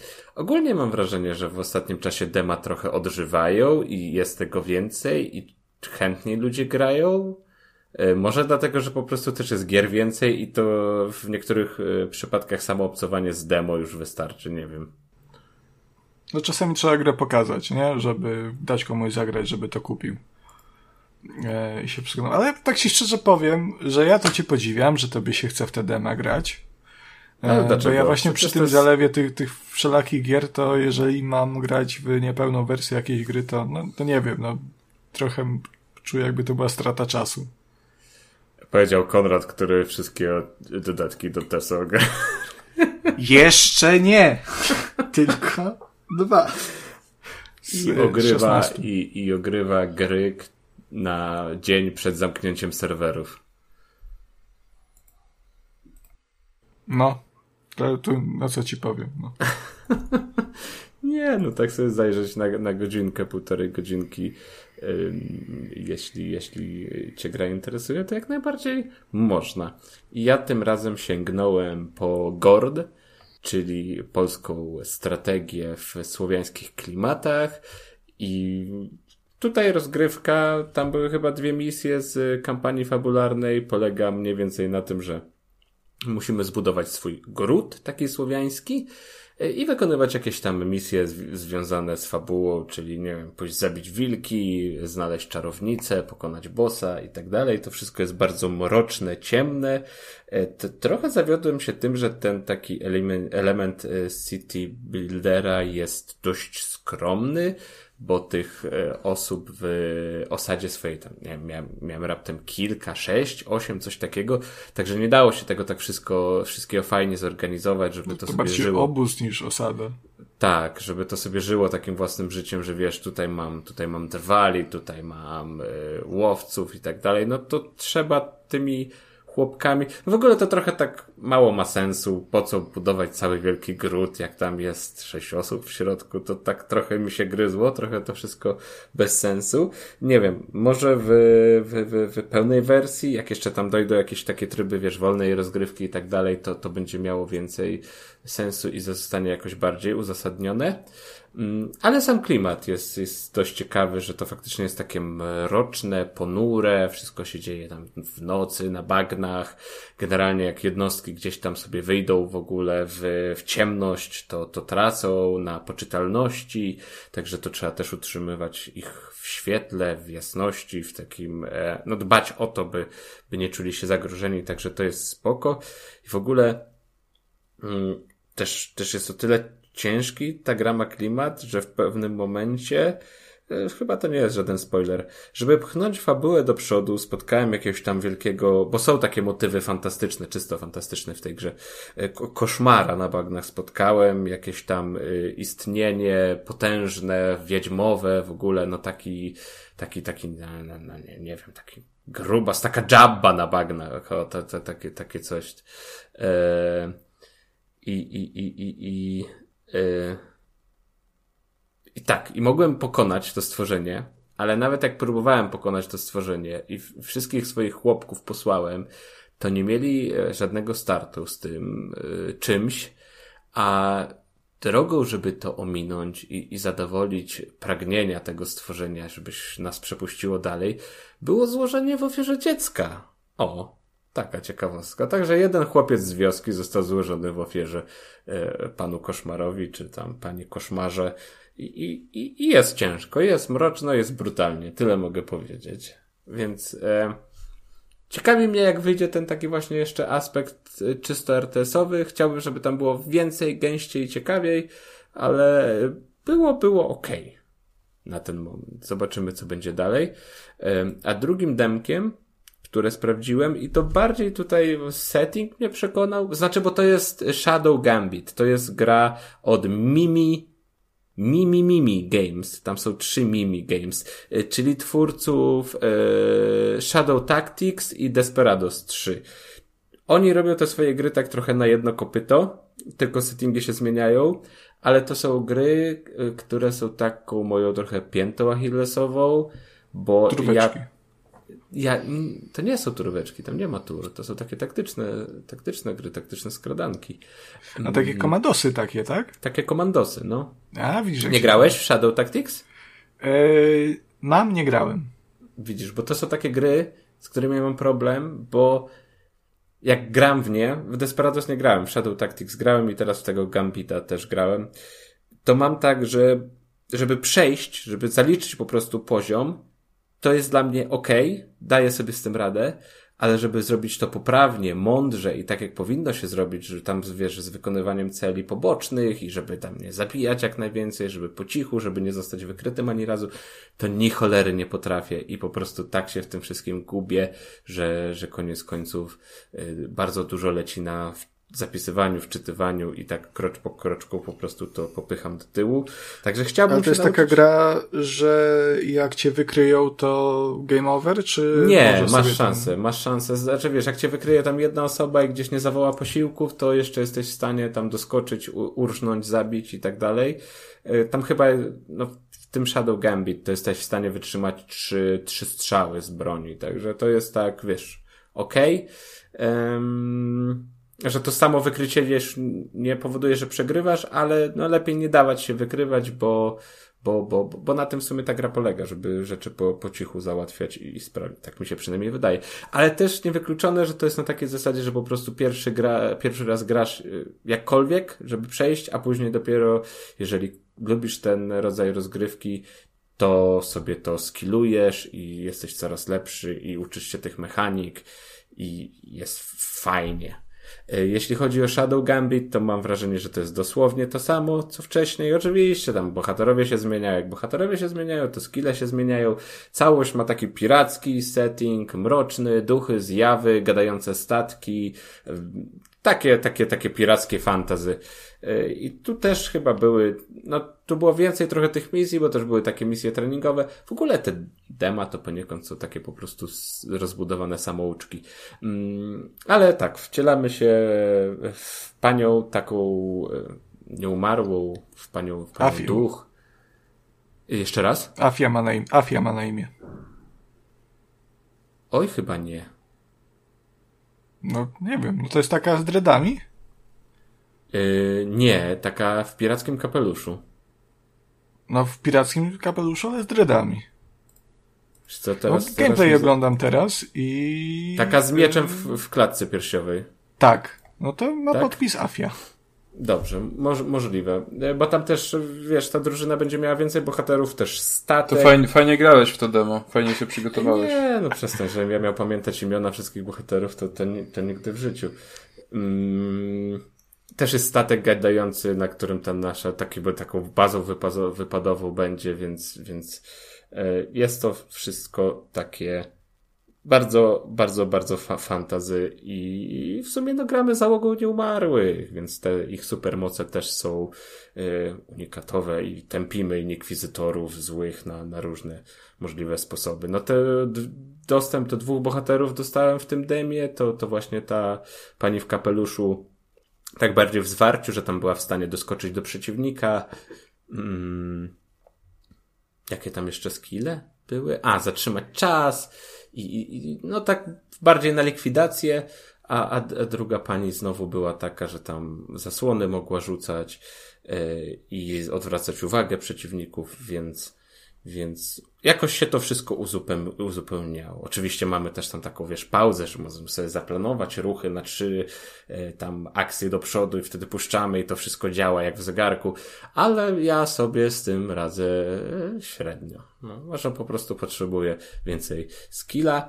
Mm, Także wydaje mi się, że jeżeli ktoś lubi ich gry Shadow Tactics i Desperadosa czy trzeciego, a to były dobrze przyjęte gry, to to jak najbardziej i w tym wypadku będzie zadowolony. Ciekawe właśnie, kiedy się skuszą na taki komandosowy klimat. Może to będzie setting czwartej gry. Ale podoba mi się, że tak sobie po prostu mają tą swoją y, ym, niszę, bo to w sumie jest nisza, jeśli chodzi o te gry, o takie gry i, i sobie w tym działają i sobie robią i są w tym dobrzy i dostarczają dobre gry. Ja tak zawsze miałem, że nie wiem, była jakaś seria, w, ciężko mi teraz coś, coś, coś takiego mm, wydumać jako przykład, ale miałem tak, że jeżeli, nie wiem, dwójka mi się bardzo podobała, to się zastanawiałem, dlaczego trójka nie może być po prostu tym, co dwójka, z lepszymi zmianami, że ja dostał praktycznie tę samą grę, ale lekko zmienioną, nie wiem, właśnie w innym settingu czy coś, a, a nie, że kompletnie zmiany, nowości i wszystko wywracamy do góry nogami,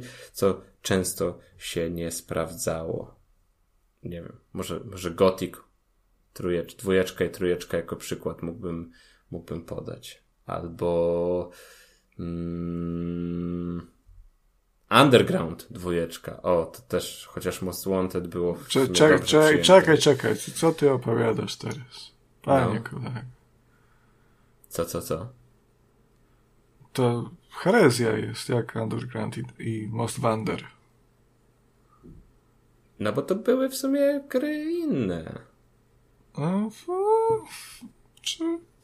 No była no ten... policja w Most Wantedzie, ale... To... No ale był ten... ten, ten, ten core. Ale tuningowanie i tak dalej też było rozbudowane do tego stopnia? No pewnie. Aha, tak. Dobra. To, to mi się może wymieszały jakieś dwie po prostu no części. tak, tak, potem, potem we wszystkich. To e, chyba bym bardziej uderzył w kierunku, nie wiem, e, Carbon do Pro Streeta, jeżeli już przy Need for Speedach jesteśmy. Mm, no to też mm. były gry wyścigowe z tuningiem, natomiast Pro Street uderzył w bardziej legalne wyścigi na torach. E, chociaż takie pseudouliczne, ale no gorzej został przyjęty niż, niż też średnio w sumie przyjęty karbon chyba. No nie wiem, ale myślę, że już mniej więcej wiecie, wiecie, wiecie o co mi chodzi. No dobra, tak. to tyle jeśli chodzi o dema.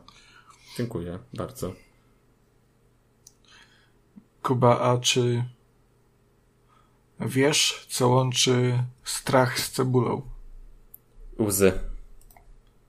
Też, ale zarówno strach, jak i cebula mają warstwy. I dlatego z tej oto okazji. A to chyba ogry zamiast strachu. Ogry też mają warstwy, ale cebula, cebula i strach ma warstwy także, ponieważ co udowadnia polskie zresztą e, studio uznane Bluebird Team. E, w swojej serii symulatorów chodzenia, tudzież e, horrorów Layers of Fear E, wyszła właśnie nowa część, znaczy nowa jak nowa. 16 e, czerwca miała premierę bodajże, ile Ja, ja ci powiem, że kiedyś musiałem, musiałem napisać opis tej gry. I miałem takie, mhm. że piszę ten opis i tak, o cholerę tu chodzi, co się tu wydarzy i, i jaki jest zamysł tego wszystkiego, także opowiadaj teraz.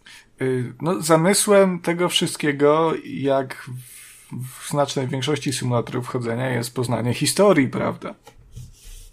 Ale Także, czym jest ta żeby... historia różni się od tego, co mieliśmy okazję poznać w dwóch poprzednich częściach? Yy, niczym i wszystkim. Żeby to zrozumieć, musicie poznać historię Layers of Fear tegorocznego i serii jako takiej. E, ponieważ Layers of Fear to nowe jest dość ciekawą e, pozycją z takiego, nie wiem, no, filozoficznego względu, bo to jest e, zarówno remake, jak i, nie wiem, poniekąd trochę sequel, czy coś w ten deseń. E, w takim najprostszym zrozumieniu tego, czym to jest, to jest w pewien sposób antologia całej serii Layers of Fear czyli mamy tutaj jedynkę, e, mamy tutaj dodatek do jedynki, czyli Inheritance i mamy tutaj Layers of Fear 2 także. E, z tego, co widziałem, na razie skończyłem jedynkę z dodatkiem, e, dwójki jeszcze nie ruszyłem. To jest przeniesienie bardzo wie wierne. To są w zasadzie te same gry, jak mi się wydaje. E, nie jestem pewien, czy w jedynce byli przeciwnicy takich, do, do których się świeciło latarką. E, wydaje mi się, że nie do końca, ale jak gdzieś tam coś szukałem o jedynce, to gdzieś mi mignęło, że też byli przy... No ale to już, już, już mniejsza o, to. E... Nie, okej, okay, chyba nie było, także to jest, to jest jedna z takich zmian, no ale to po kolei. E, w większości to są, to są mniej więcej te, te same gry, natomiast nowe Layers of Fear e, nie jest prostą, taką prostą kolekcją starych gier. To nie jest po prostu Layers of Fear, Fear Anthology. E, to jest jednocześnie właśnie, to jest kurwa głupie, to jest jednocześnie nowa część. Tak trochę kluczysz, trochę i, kluczysz. To jest, to jest, nie wiem jak to opisać, to jest nowa część, w której są stare części, bo e, Layers of Fear, kurwa, i to mnie wkurwia te strasznie, bo oni tak mącą tymi tytułami w Giereczkowie, to jest, to nie jest Layers of Fear 1, mimo że nosi ten sam tytuł co Layers of Fear. Miało nosić tytuł Layers of Fears, ale nie nosi, bo zmienili, no bo po co lepiej nie ułatwiać sprawy graczom no bo stwierdzili, że serial Cleaners z dodaniem S się nie udało, więc y, oni ja nie pójdą. Strasznie lubię tego zabiegu, zwłaszcza, że... pierwsze Zwłaszcza, że nowe Layers of Fear to jest gra, która stoi na własnych nogach. E, główną no ja bohaterką... Wtro hmm? Wtrącę, pozwól tylko, że się wtrącę. Ja czytałem, że to jest po prostu trzecia odsłona i jakby ten tytuł to nie wiadomo po co. Ta, tak i nie. E... E, właśnie o to chodzi, że tak i nie, nie do końca. To już od Bo... pięciu minut mamy taki... Okej. Okay. Kacper nie słucha, nie? To, to działa na Unreal Engine 5 w ogóle, jeśli się nie mylę, prawda? Nie mam pojęcia prawdopodobnie. Tak, działa dobrze na Xboxie Series X, 60 klatek płynne e, w trybie performance, także wspominając jak działało pierwsze Layers of Fear na Xboxie One, który nie był zbyt dobrym sprzętem do benchmarku, umówmy się, e, no to tutaj jest dużo, dużo lepiej. E, główną bohaterką nowego Layers of Fear jest pisarka, która... A ładna? Nie wiem, wiem tylko, że jest czarnoskóra, bo jedyne co widać to, to są jej ręce. Gra jest z widoku pierwszoosobowego, Kasperku. To nie ma lu lu luster? E, są, ale nie działają jak w większości współczesnych gier. No w sumie to e... tak jak w Dead Island 2. Tak, także to jest pisarka, która przypływa do opuszczonej, oczywiście, że opuszczonej latarni morskiej, w ramach współpracy z jakąś tam agencją, kurwa, e, pisarską czy czymś tam. A ty się napisać... dziwisz, że ja imion nie pamiętam, a Konrad tak opowiada fabułę. Jakoś tam, kurwa, agencja. No bo ona nie jest sprecyzowana, nie jest sprecyzowana, jaki to jest deal właśnie. To, to cała gra nie jest sprecyzowana. Tak, bo to jest symulator chodzenia, domyśl się, kurwa. E, przyjeżdża do latarni morskiej, żeby tam skończyć swoje jakieś tam książki, które ma zakontraktowane. No i na w tej latarni się dzieją jajca dziwne, takie straszne rzeczy. Coś tam wysiada tak ale to tak długo, ale to tak tak, ale tak i tak robi, tak łup, łup, łup, łup, łup, a potem się okazuje, że to okno się otworzyło. Jest strasznie, tam wchodzą jakieś wątki, prawda, paranormalne oczywiście. E, wszędzie jest ciemno, także jest straszno, to jest jedna z tych warstw strachu. Jest już ciemno. Ale... E, natomiast e, ciekawostką jest tutaj to, że te książki, które ona pisze, to, so, to są te opowieści, które już znamy w ramach e, serii Layers of Fear. Czyli ma, stąd, stąd, mamy jedynkę, Inheritance e, i dwójkę. E, I mówię, ta jedynka mogła zostać trochę zmieniona. E, Inheritance, z tego co pamiętam, e, jest przeniesione jeden do jednego, tak mi się wydaje.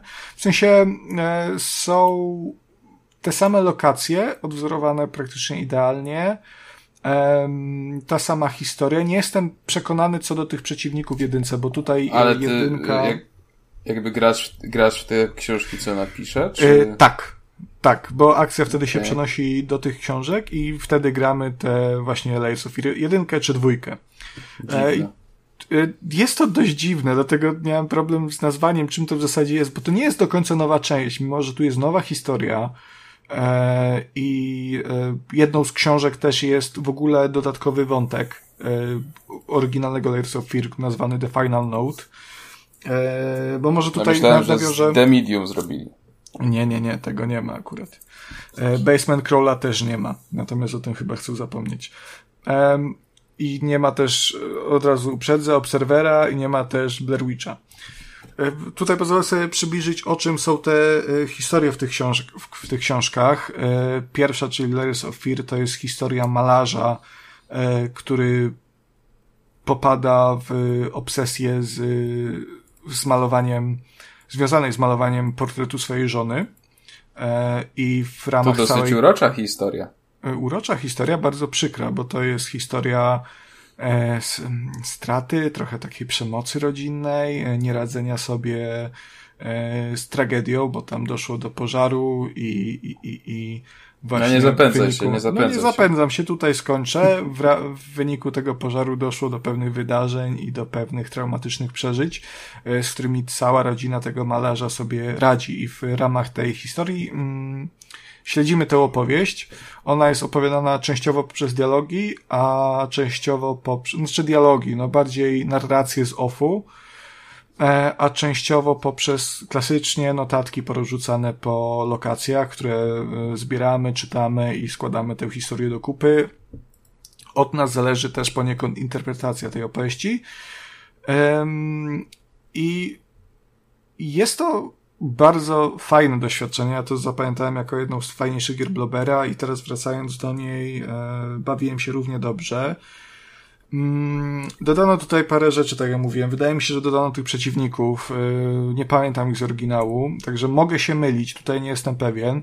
E, Natomiast pojawiają się momentami mm, taka to nie jest duch, ale jakby zjawa żony głównego bohatera, no, któ- którą trzeba poświecić e, lata, latarką, żeby ją rozpuścić na chwilę i uciec. Em, Dodano też choć, chociażby takie rzeczy jak e, czytanie, udźwiękowienie właśnie tych notatek. Można sobie włączyć e, ich czytanie przez narratora, natomiast to jest w ogóle zrobione z dupy, bo czytany jest tylko fragment tego tekstu, a nie cały. Także y, i tak tam pierwszy akapit, dwa trzeba przeczytać, bo, bo narrator czyta tylko trzeci. Bo tak, po prostu, chudzi w dupę graczu, nie? Yy, pozdro poćwicz, nie dowidzisz. Yy, natomiast no nawet jak nie dowidzisz, to nic, to nic straconego, ponieważ ta gra jest tak zajebiście ciemna, że nawet z dobrym wzrokiem średnio widziałem, gdzie się dzieje, co się dzieje bez latarki. Em, Karygodny tutaj jest dodatek Inheritance i pamiętam, że tak, było, tak samo było w oryginale. E, Inheritance opowiada natomiast historię córki. E, trafiamy znowu do tego samego domu rodzinnego, e, żeby odebrać tam jakiś spadek, czy, czy, czy e, odnaleźć wolę ojca. I to jest taka okazja dla córki, żeby e, w ramach te, te, tego tego odwiedzenia tego domu, rozliczyć się z przeszłością. E, To jest całkiem spoko doświadczenie na około godzinki, na około godzinkę. Layers of Fear 1 to jakieś takie 2-3, coś takiego. E, Ale zajebiście ciemny i, i w sumie chyba najsłabszy z tego wszystkiego. E, Do tego, nowością w nowym Layers of Fear jest dodatkowa mm, historia nazwana The Final Note, o której wspomniałem. To rzuca światło na opowiadaną w jedynce Inheritance historię z perspektywy żony, e, która e, właśnie radzi sobie z tym, czego doświadczyła. I rzuca nowe światło na opowieść, którą do tej pory znaliśmy i na głównego bohatera, bo on był do tej pory no w zasadzie jednoznacznie zły, natomiast tutaj, jeżeli to obserwujemy z historii żony, E, no to się okazuje, że tak jak w życiu nic nie jest czarno-białe, tylko są tutaj odcienie szarości. Też to, to rozszerzenie takie na, na godzinkę. E, bardzo spoko, fajne wizualnie, zresztą jak całe Layers of Fear, bo e, Layers of Fear zawsze grało tak, e, tak zwaną e, przestrzenią nierzeczywistą, nie? To jest to, że ten dom dookoła nas cały czas się, się zmienia, no, czyli na przykład wchodzimy do pomieszczenia, podchodzimy, podchodzimy do drzwi, e, drzwi są zamknięte, odwracamy się, a, na, a za nami em, drzwi, które weszli, przez które weszliśmy, e, znikają nagle, jest, jest pusta ściana i odwracamy się tak kilka razy na przykład dookoła pomieszczenia, gdy drzwi się pojawiają, albo pojawia się w ogóle cały korytarz, cała hala, e, także tego zabiegu, tego typu zabiegów tutaj jest bardzo sporo. Mm, różne takie wizualne zabiegi związane z emocjami głównych bohaterów i to jest super. Także te trzy historie są ekstra. E, w dwójkę w tej wersji Layers of Fear nie grałem jeszcze, grałem w oryginał. To jest historia z kolei aktora e, odbywająca się w całości na statku. E, I ona jest związana dużo bardziej właśnie z kinem. Tam są fragmenty, na przykład które są kompletnie czarno-białe, pozbawione dźwięku, tak jak stare filmy. E, I z tego co pamiętam, nie wiem jak jest tutaj, ale w oryginale to było bardzo, to było dużo słabsze, e, ładne wizualnie, natomiast ta historia była dużo bardziej zagmatwana i tak w sumie po przejściu nie wiedziałem, co się wydarzyło, nie? Także mm, jestem ciekaw, jak to będzie tutaj, e, zobaczę. Natomiast wciąż nawet dla tych jedynki z tymi dwoma, tak to nazwijmy, rozszerzeniami, warto tę nową część sprawdzić. Plus do tego dostajemy nową historię właśnie tej pisarki. E, także tutaj granie jest, jest całkiem sporo. To myślę, że jest taka gra na e, dobre 10 godzin. E, I ona wypada naprawdę fajnie. Działa dobrze, wygląda bardzo ładnie. To wszystko zostało przystosowane do nowych technologii, do współczesnych czasów. Także wizualnie nie mam się do czego przyczepić, poza tym, że jest czasami zajebiście ciemno. Trochę jest błędów, y, ale takich, które jakoś bardzo nie są problematyczne. Czasami nagle drzwi się zamkną na naszych oczach i to nie jest tak, że to jest horror, więc same drzwi się zamykają. E, tylko one były otwarte i nagle pyk i ich lokacja się zmienia, że były otwarte na oście, są w sekundę, teleportują się do bycia zamkniętymi. Raz mi się udało za mapę wypaść, także to są te, tego typu błędy. Jakiś tam patch był dzisiaj chyba, więc y, możliwe, że to połatali. Ale jeżeli rozważacie, jeżeli w ogóle, mm, przede wszystkim, jeżeli graliście poprzednie gry serii, y, jesteście fanami, no to wciąż warto ten tytuł sprawdzić, bo to nie jest tylko wydanie zbiorcze, y, tylko tu jest sporo nowego i sporo fajnego też mi się wydaje.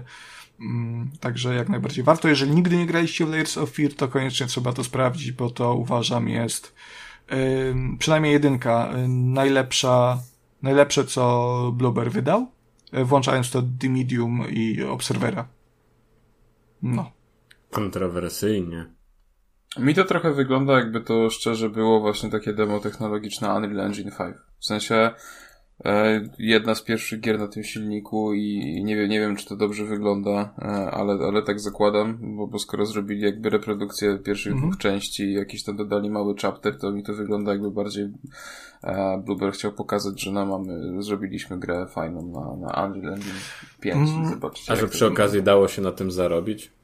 No, no, no, no, tak, tak, tak, tak to mam wrażenie, że tak to bardziej chyba wygląda. Możliwe, natomiast ja tam się za tego typu y, rzeczy dema technologiczne nie obrażam, bo to mimo wszystko jest bardzo fajna produkcja.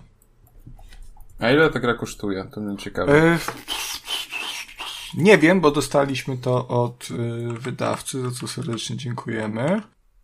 Um, jak tam spojrzę? Czekaj, nie wiem, czy sprawdzam to nowe. No to kosztuje 30 dolarów, czyli to na e, polskie złote to będzie ile? No na Steamie widzę 100... 120. 120 zł i no obecnie no jest przez kolejne 11 godzin, czyli już jak tego słuchacie, to już nie ma. Za 84 zł to jest premierowa obniżka była, także uważam, że to jest bardzo fajna cena. No jak się nie grało w te nie, no wcześniejsze, to, okay. to na pewno. To wtedy już jest super rewelacja. No i na, tej, na tym trailerze faktycznie gra wygląda bardzo ładnie. Mhm. Nie, no to okej, okay, jak za takie pieniądze, to jak, no jakby jednak zawołali za 300 zł, to trochę za dużo, ale za, za stówkę myślę, że, że bardzo okej. Okay. I no to na Steamie zaznaczę, na, na konsoli pewnie będzie troszkę więcej. Um, sprawdzę od razu, jak sprawdzamy. Xbox. Nie, no też 116,86. Na PlayStation że... Store widzę 100 za 134 zł. A, bo to słuchaj, ma się PlayStation, to trzeba płacić. No ale Steel to jest uważam spoko, spoko kasa. Ale wam powiem, że dzisiaj nam się zrobił jakiś bardzo polski odcinek. Tak jak no patrzę dobrze. Po, po grach na rozpisce. Już był Cyberpunk, już był e, Layers of Fear. Tak, tak, dobra. Wszystkie S zachowane były. To co, to uderzamy teraz Kuba na co? Na zachód uderzamy? U, u, uderzamy na zachód, tak, na polski zachód, można powiedzieć, e, czyli ten najlepszy zachód. Czyli zły. E, uważa, uderzamy na Evil West. E, trochę starsza gierka, bo z zeszłego roku w listopadzie się pojawiła na rynku. A dlaczego po nią sięgnąłem? Bardzo dobre pytanie zadajecie moi koledzy e, współprowadzący. Otóż, jak wiecie, dostałem swoje łapki pierwszego e, pada Xboxowego, żeby zobaczyć jak się gra na tym najlepszym na świecie padzie, co to Konrad zawsze tak chwali. I z jakiegoś powodu stwierdziłem, że ten taki akcyjniaczek Evil West będzie najlepszą grą, e, żeby, żeby przekonać się o możliwościach takiego kontrolera. E, Chociaż żałuję, że nie sięgnąłem po jakąś po prostu prost, prost, prostą platformówkę. Mm, Jezu, kochany, ja nawet nie czuję się kompetentny teraz do omawiania tej gry, bo pierwsze trzy godziny to ja walczyłem ze sobą.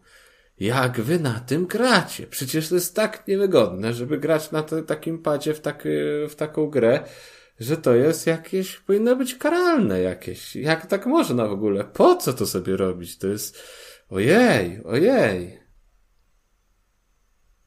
Wy tak całe życie Heretyku! gracie na tych, całe życie gracie na tych kontrolerach, tak? No bo twoje palce nie są y, przyzwyci- przyzwyczajone. Nie, no trochę miały okazję do- się przyzwyczaić na, na, na, na, na, na Switchu, na Pro kontrolerze Switchowym. No przecież też grałem, Kuba. tak kończyłem dwa, dwa niochy, jakby to Kasper tutaj powiedział. Yy, ale to Ale ty jakieś... grałeś na tym gównianym switchowym, a nie na dobrym. Ty jesteś dalej, Kuba, konsolowym impotentem, no co ci powiem. To jest dramat. To jest... Kiedy wy sobie daliście wmówić, że to jest wygodniejszy sposób grania? Przecież to jest e, no, jawne robienie ludzi w Jest ptaka. chuj wygodniejszy, masz większą W ogóle kontrolę nad nie tym, jak się postać rusza. Tak, O, no. przestań. A jaką kontrolę? Aj, aj, aj, szkoda. 360 stopni możesz se zdecydować, ile, jak szybko chcesz se truchtać, a jak wolno. Szkoda A nie, strzępu W wciskam i on napierdala sprintem, no Kuba. To jest, to, ja się tak wymęczyłem po prostu po pół godziny, po godzinie rozgrywki. Ja już miałem dość tego kontrolera całego, ale twardo gram, nie przerzuciłem się jeszcze na, na myszkę i klawiaturę. Zmierzam tam ku końcowi. E, Nie wiem, e, zobaczę sobie jeszcze, jak, jak tam będzie się w inne gry grało. No bo też e, nie oszukujmy się, no teraz się po prostu gry, które pojawiają się na PC-tach i no takie akcyjniaki szczególnie, to, to je się robi pod kontrolery i troszkę się cierpi na tym grając na PC-cie. Szczególnie jak tam odpalasz sobie grę i od razu widzisz, że o, do tej gry zalecany jest kontroler, bo inaczej to w ogóle będzie tragedia i nie będzie się dobrze grało. Co jest bardzo, bardzo niemiłe i nieprzyjemne i nie lubię tego. Ym, No, ale na razie cóż mogę powiedzieć. Ym, Myszka i klawiatura król. Jednak tutaj e, PC-towe granie najlepsze na świecie i tego się, tego się Aż trzymajmy. serce boli, jak to mówisz po prostu. No, no to co ci mogę, Konrad? No, to jest tak jak z butami Kacpra. No jeszcze dorośniesz. No. Tyle, tyle w tym byłem kiedyś pecetowcem i tylko myszka i klawiatura, a potem poznałem prawidłową drogę w życiu. Nie, no dałeś sobie wmówić po prostu, że to jest dla ciebie wygodniejsze i tak już zostało, no. E, Evil West, wracając do samej gry, Flying Wild Hog wydało tę grę w 2022 roku, w listopadzie, tak jak mówiłem. E, To był w ogóle dla nich taki, taki w sumie bardzo intensywny rok, bo oni tam jeszcze Shadow Warriora wydali i, i Trek to Yomi wydali. E, No i ten Evil West zawsze gdzieś tam był na liście takiej mojej tych gier do grania. Mm. Nadarzyła się okazja, a nawet tak chciałem, miałem ochotę na coś takiego typowo nastawionego właśnie na, na akcję, na walkę, na strzelanie. Przepraszam, przepraszam, Kuba. Ciałem miałeś ochotę? Y, jeszcze raz, poczekaj, bo teraz ja się pogubiłem. Czy, czy ty powiedziałeś, że miałeś ochotę ciałem? Chyba powiedziałem chciałem, ale mogłem się A przejęzyczyć. okej, dobra, może mi ucięło kawałek i Może, a może się faktycznie zaniepokoiłem. miałem, może faktycznie miałem cia ciałem i umysłem też mogłem mieć ochotę. E, więc to się zapowiadało bardzo mięsiście, potwory, siekanie, tłuczenie i tak dalej. No i to w sumie jest taki, taki taki slasherek, tylko bez yy, slasherowania, tylko bicia po prostu potężną, potężną rękawicą, a faktycznie trafiamy na dziki zachód, mm, do takiego steampunkowego świata, gdzie ludzie w mrocznym uniwersum, yy, rozwiniętym technologicznie, walczą z wampirami i wampirzymi sługami. I to jest taki konflikt, gdzie te po prostu dwie grupy się ścierają e, i my jesteśmy sobie członkiem takiego instytutu, instytutu re, re, re, teraz to, to ciężko się wymówić zawsze, bo tam jest dużo R. Y, Rentiera, Rentiera, Rentiera, o tak, Instytutu Rentiera. Kuba, to dwa R tylko. Tak, to jest już dużo dla mnie i, i, dla mojego R. Ja kiedyś w ogóle nie wymawiałem R, to jest taka ciekawostka, logopeda mnie naprawił, e, ale dobra, nieważne. Rentiera. E, i, i, i, I my jesteśmy synem Y, szefa tego całego instytutu, prawda, przewodniczącego i on jest już taki bardzo, to jest starszy mężczyzna, stateczny, on by chciał, żebyśmy my poszli w niego ślady, w jego ślady i też zajęli się bardziej polityką i zarządzaniem niż tam e, walczeniem z tymi mm, demonami mm, tak twarzą w twarz, po prostu bezpośrednio na polu bitwy, tłuczenie ich i tak dalej, a nasz bohater, czyli Jesse, on jest takim właśnie typowym badassem, który chce tam wszystkich miażdżyć, walczyć, niszczyć te wampiry i w ogóle brać sprawy w swoje ręce. I no po prostu kocha akcję niż, niż biurokrację za, za, za biurkiem. No i na tej płaszczyźnie tych dwóch bohaterów się, się, się, się, się spiera, to stanowi jakąś tam e, podłoże fabularne. No ale nie będzie to dużym spoilerem, jak powiem, że ten konflikt się zaognia, prawda? I my będziemy robić wszystko, e, żeby nie doszło do tych takich najstraszniejszych wydarzeń, które gdzieś są tam na horyzoncie, bo po prostu wampiry no, zdobywają przewagę, mają taką, nazwijmy to, taj, tajną broń, która, która jest dość sporym zagrożeniem, no dobra, to jeszcze powiem, że tylko atakują ten instytut i go niszczą i, i, i, i chyba, i chyba tyle. To jeszcze powiedz w ogóle, jak gra się kończy i już nie będzie trzeba grać. E, nie powiem ci, jak się skończy, bo jeszcze nie skończyłem. O.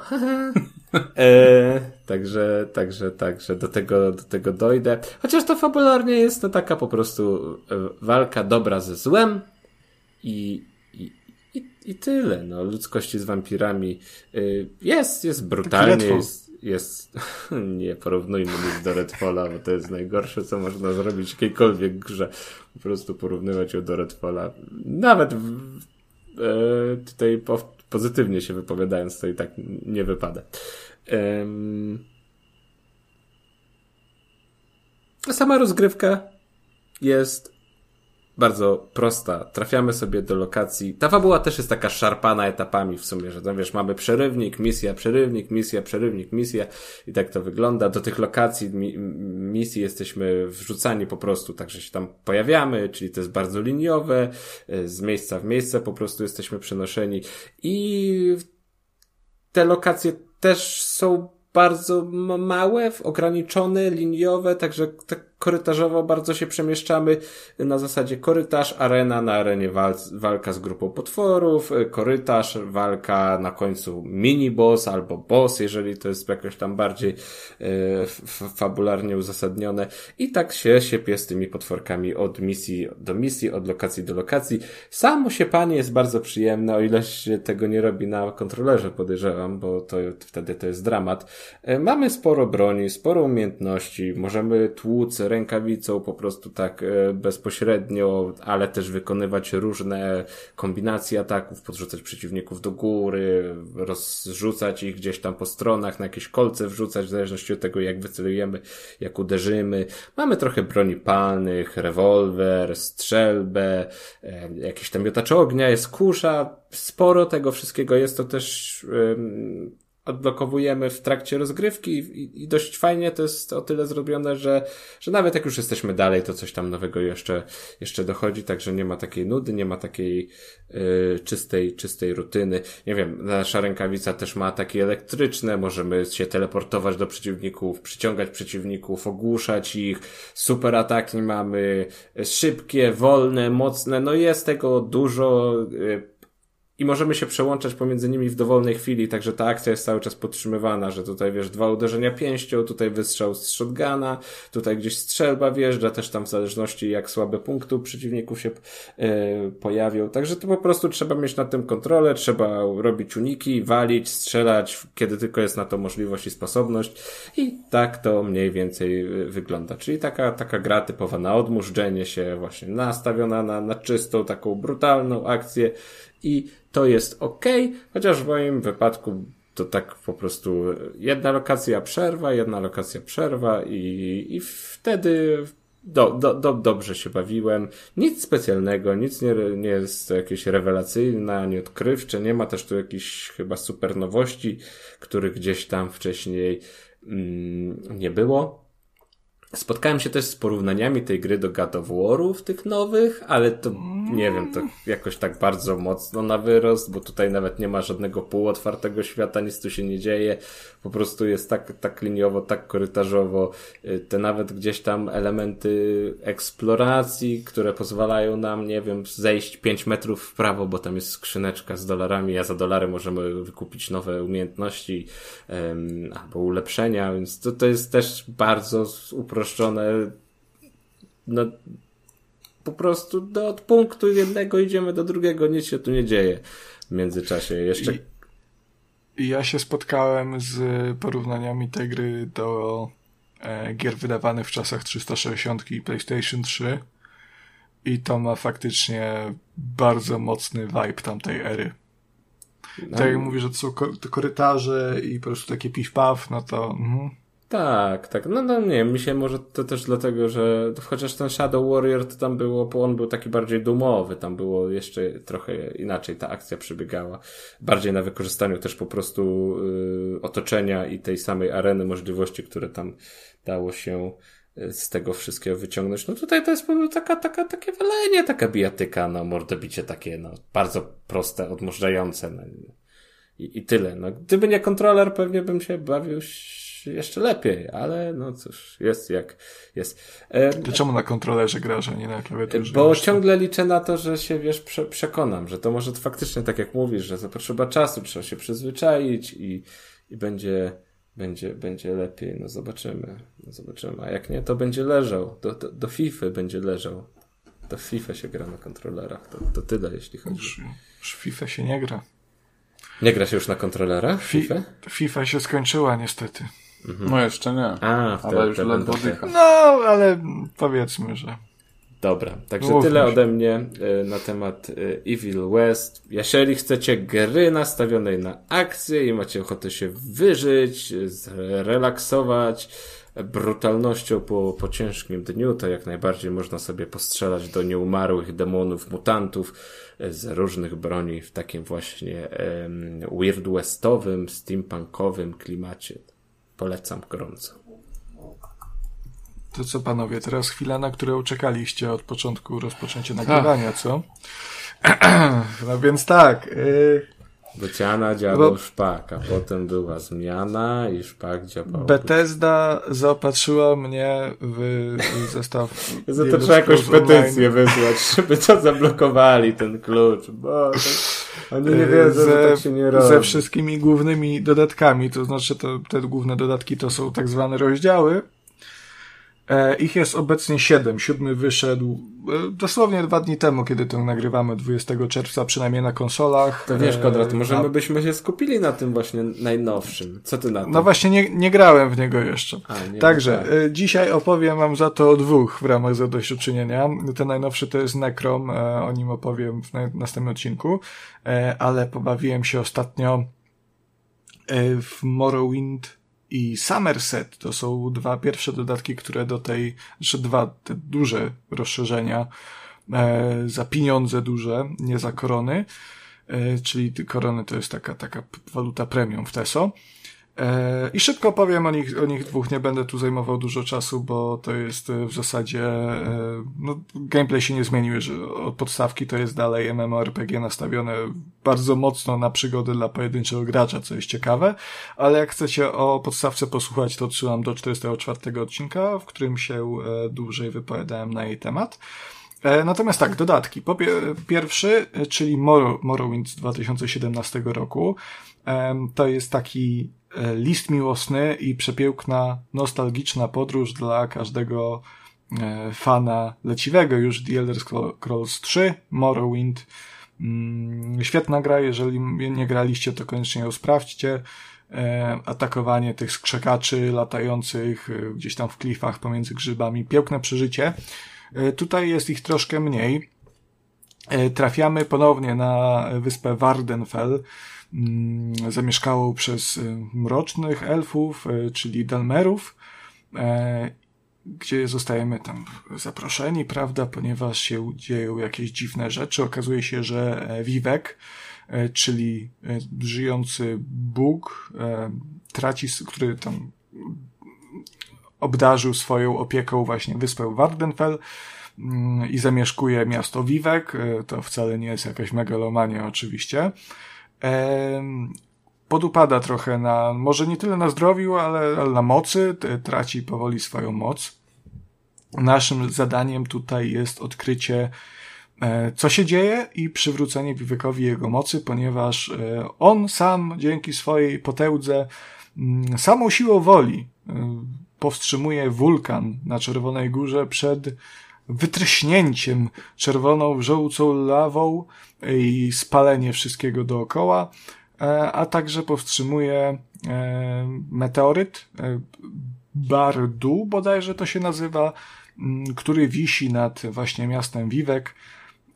I jeżeli, gdyby nie Wiwe, sam Wiwek, prawda, tutaj troszkę takie, będziemy tym Wiwekiem szafować, Mm, spadłby na miasto i zabił wszystkich mieszkańców. Także no, nie chcemy tego, trzeba Wiwekowi pomóc.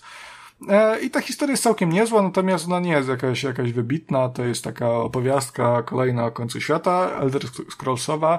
E, natomiast y, to, co mnie w tym dodatku ujmuje, to jest ta właśnie możliwość powrócenia do Wardenfall, który jest y, krainą absolutnie magiczną. To jest taka kraina grzybów, dosłownie, ponieważ Wardenfell słynie właśnie z tego, mm, że porastają olbrzymie, kilkunastometrowe grzyby, e, do tego stopnia, że e, każdy urodzony grzybiarz no, nie mógłby prze, przepuścić okazji i na tę wyspę się nie udać. Prawdopodobnie byłby wówczas zdziwiony rozmiarami tych grzybów, żałowałby, że nie wziął, nie, nie wziął większego kozika, tylko ten cholerny do owoców. Mm, natomiast no to wygląda po prostu ślicznie. E, jest, kolorystyka jest troszkę bardziej stonowana niż jeżeli chodzi o sam, jeżeli w przypadku samego Tamriel, e, bo tak też to wyglądało w Morrowindzie.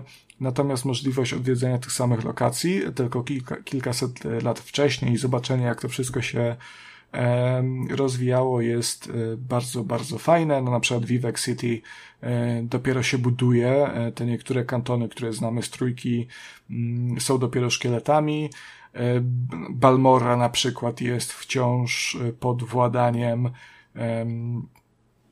tych plemion tak zwanych Ashlandersów. Mm, także fajnie się obserwuje, jak ten świat się zmieniał, jak ten świat wyglądał kiedyś.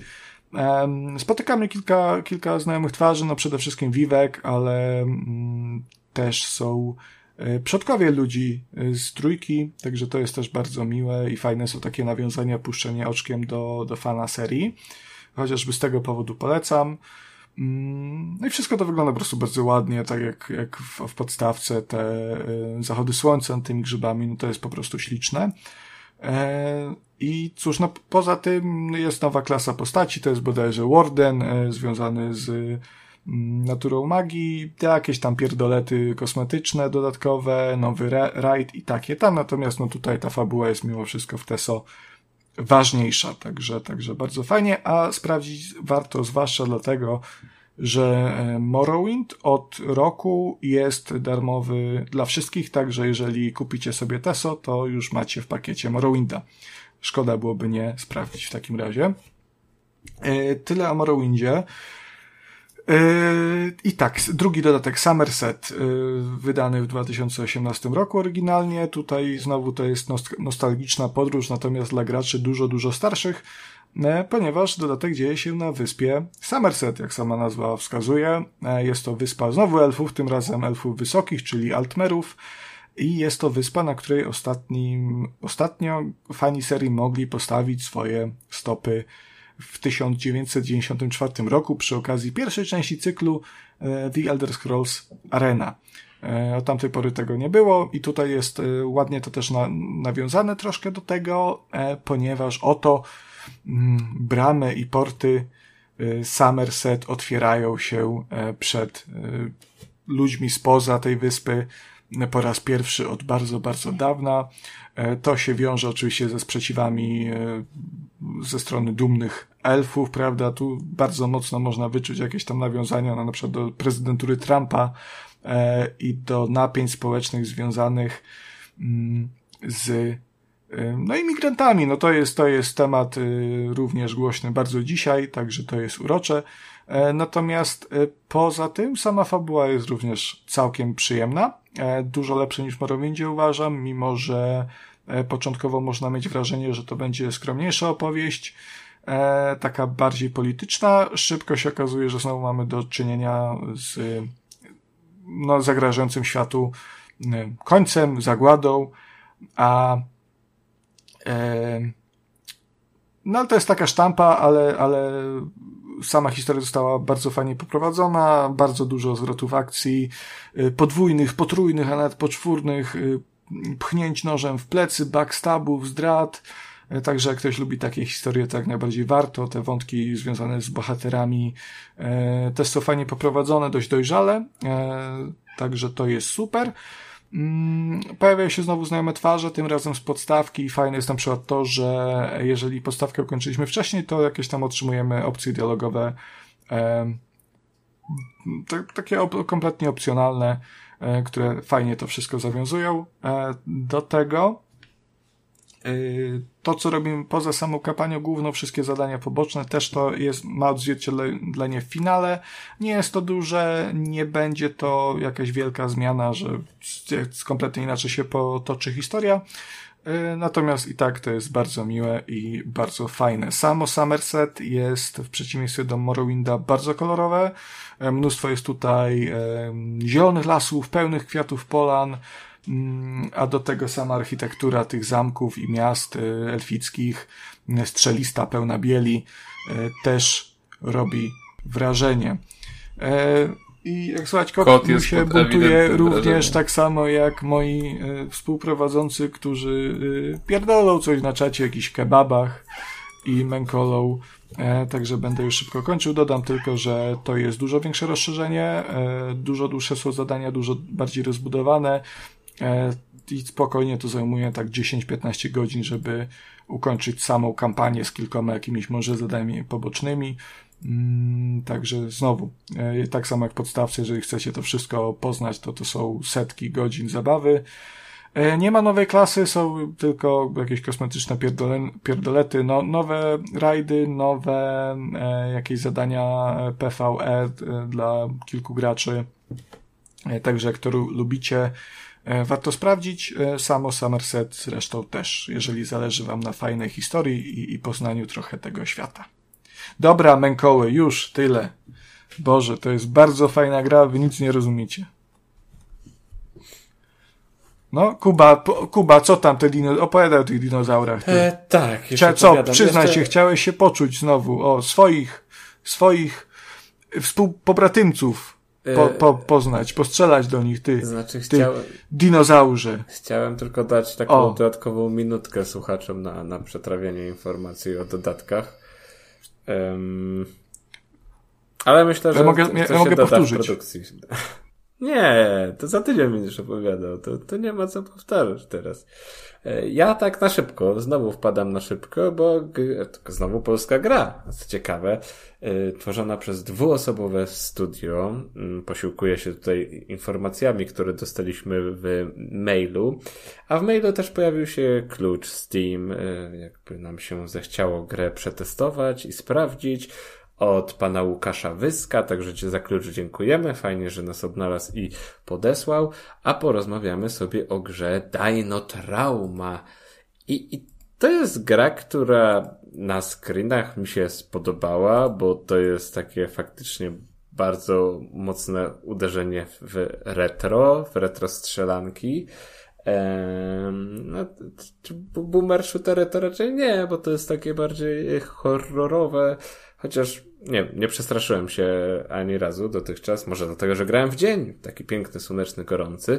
Mm, zobaczymy jak będzie. To jest Early Access, Mm, dość wczesny, bo gierka zadebiutowała pod, pod koniec kwietnia, a nie, to już trochę minęło, patrz, już mamy końcówkę, końcówkę czerwca, także już miała okazję dać się poznać. Przyjęcie jest skromne, ale, ale pozytywne y, i ja też sobie zagrałem dzisiaj trzy misje i postrzelałem trochę w dinozaury. E, po co strzelałem? Tego jeszcze nie wiem, bo ta fabuła nie została jakoś tak szczególnie nakreślona, albo gdzieś po prostu w swojej ignorancji to ominąłem, albo to zostanie wyjaśnione później. Na razie tylko pojawiały się jakieś takie e, notatki, ale to bardziej one dotyczyły tego, co tam się na miejscu wydarzyło. No ale nawet bez jakiegoś tam opisu fabuły możemy zgadywać, podejrzewać, że trafiliśmy właśnie do takiego laboratorium, gdzie tam były dizonaury i te dinozaury, dizonaury były mu mutowane i tam się działy z nimi złe rzeczy, że w ogóle istnieją i one się wymknęły spod kontroli, wszystko po prostu wzięło w łeb i teraz my tam musimy iść i to posprzątać po prostu je zestrzelić. E, I, i, i co? I to jest bardzo prosta strzelanka. Dizonaury wyskakują, my, w te dizonaury strzelamy z różnych broni. Mamy pistolet, mamy shotguna, jakaś kusza była już, nie wiem, dwa Uzi. Taką podstawową bronią to jest w ogóle taka, taka jakaś pałka elektryczna, gdzie tam możemy, taki paralizator trochę. Bardzo, bardzo prosty koncept. Przechodzenie plansz polega na tym, że e, chodzimy od pomieszczenia do pomieszczenia, szukamy kart dostępu, znajdujemy czerwoną kartę, możemy otworzyć czerwone drzwi, za czerwonymi drzwiami będzie niebieska karta, to nam daje dostęp do kolejnych drzwi i po prostu te karty dostępu musimy znaleźć, użyć ich i prze, przemknąć się do kolejnego poziomu. W międzyczasie będziemy walczyć z dizonaurami, y, które są różne i które gdzieś tam się też w dzienniku naszym zapisują w bestiariuszu, także możemy sobie y, kłaczek, kłaczek wpadł. Słyszę. Dizonaur mnie zaatakował. Dizonaur, Dizonaur cię zaatakował. Tak, są tak. dizonaury latające, są dizonaury e, pływające. To latający mi chyba wleciał. Mm, chyba na głównie siedział są strzelające, są takie malutkie dizonaury, które się tam w szybach kanalizacyjnych yy, kryją i wyskakują z nienacka, ale wszystkie bardzo fajnie i przyjemnie padają od kolejnych yy, strzałów z, z broni. Yy, jakieś tam proste zagadki się jeszcze trafiają? Nie wiem, może później będą bardziej skomplikowane. Na razie to, to, to raczej dopasowanie tam elementów. Yy, no i co? No i chyba, i chyba tyle. To, ta oprawa jest taka bardzo charakterystyczna. Potem jest takie e, gęste ziarno narzucone. Nawet, nie, no już na screenach... To nie ziarno, to jest chyba filtr imitujący niską rozdzielczość, no? E, tak, ale też jest ziarno, wiesz? E, jest, jest takie, może właśnie nie widać na screenach, ale raz, że to, ta, ta niska rozdzielczość, taka, żeby to miało klimat tych retro, retro gierek, jakbyśmy, nie wiem, grali na starym po prostu monitorze w starą grę, więc to się udało e, odwzorować, chociaż po takiej sesji godzinnej, mm, jak przestałem grać, to, to źle mi było w oczy. E, za, za, za dużo tego wszystkiego było, trochę Starość. to... Możliwe, możliwe, bo niestety jest coraz gorzej z, oczy, z, z oczyma, oczami. Tak jest... mają dizonaury, Kuba. tak mają dizonaury. Ja już trochę jestem dizonaurem właśnie. więc troszkę to męczyło. Mm, no cóż, niech sobie, niech sobie siedzą, niech sobie e, pracują nad tym. Ma to potencjał. E, chociaż no, po prostu prosta, prosta szczelanka i tyle. Wygląda autentycznie fajnie i, i, i, i e, gdybyś ty tego nie skradł, to pewnie sam bym to sprawdził. Bo ja ostatnio um, mam taki, jestem w takim hu hu humorze retro trochę, że, że gram chyba więcej w te stare gry niż w te nowe, także to było takim fajnym mostem pomiędzy tymi dwoma światami. E, jest jakieś info, ile to spędzi w Early Accessie?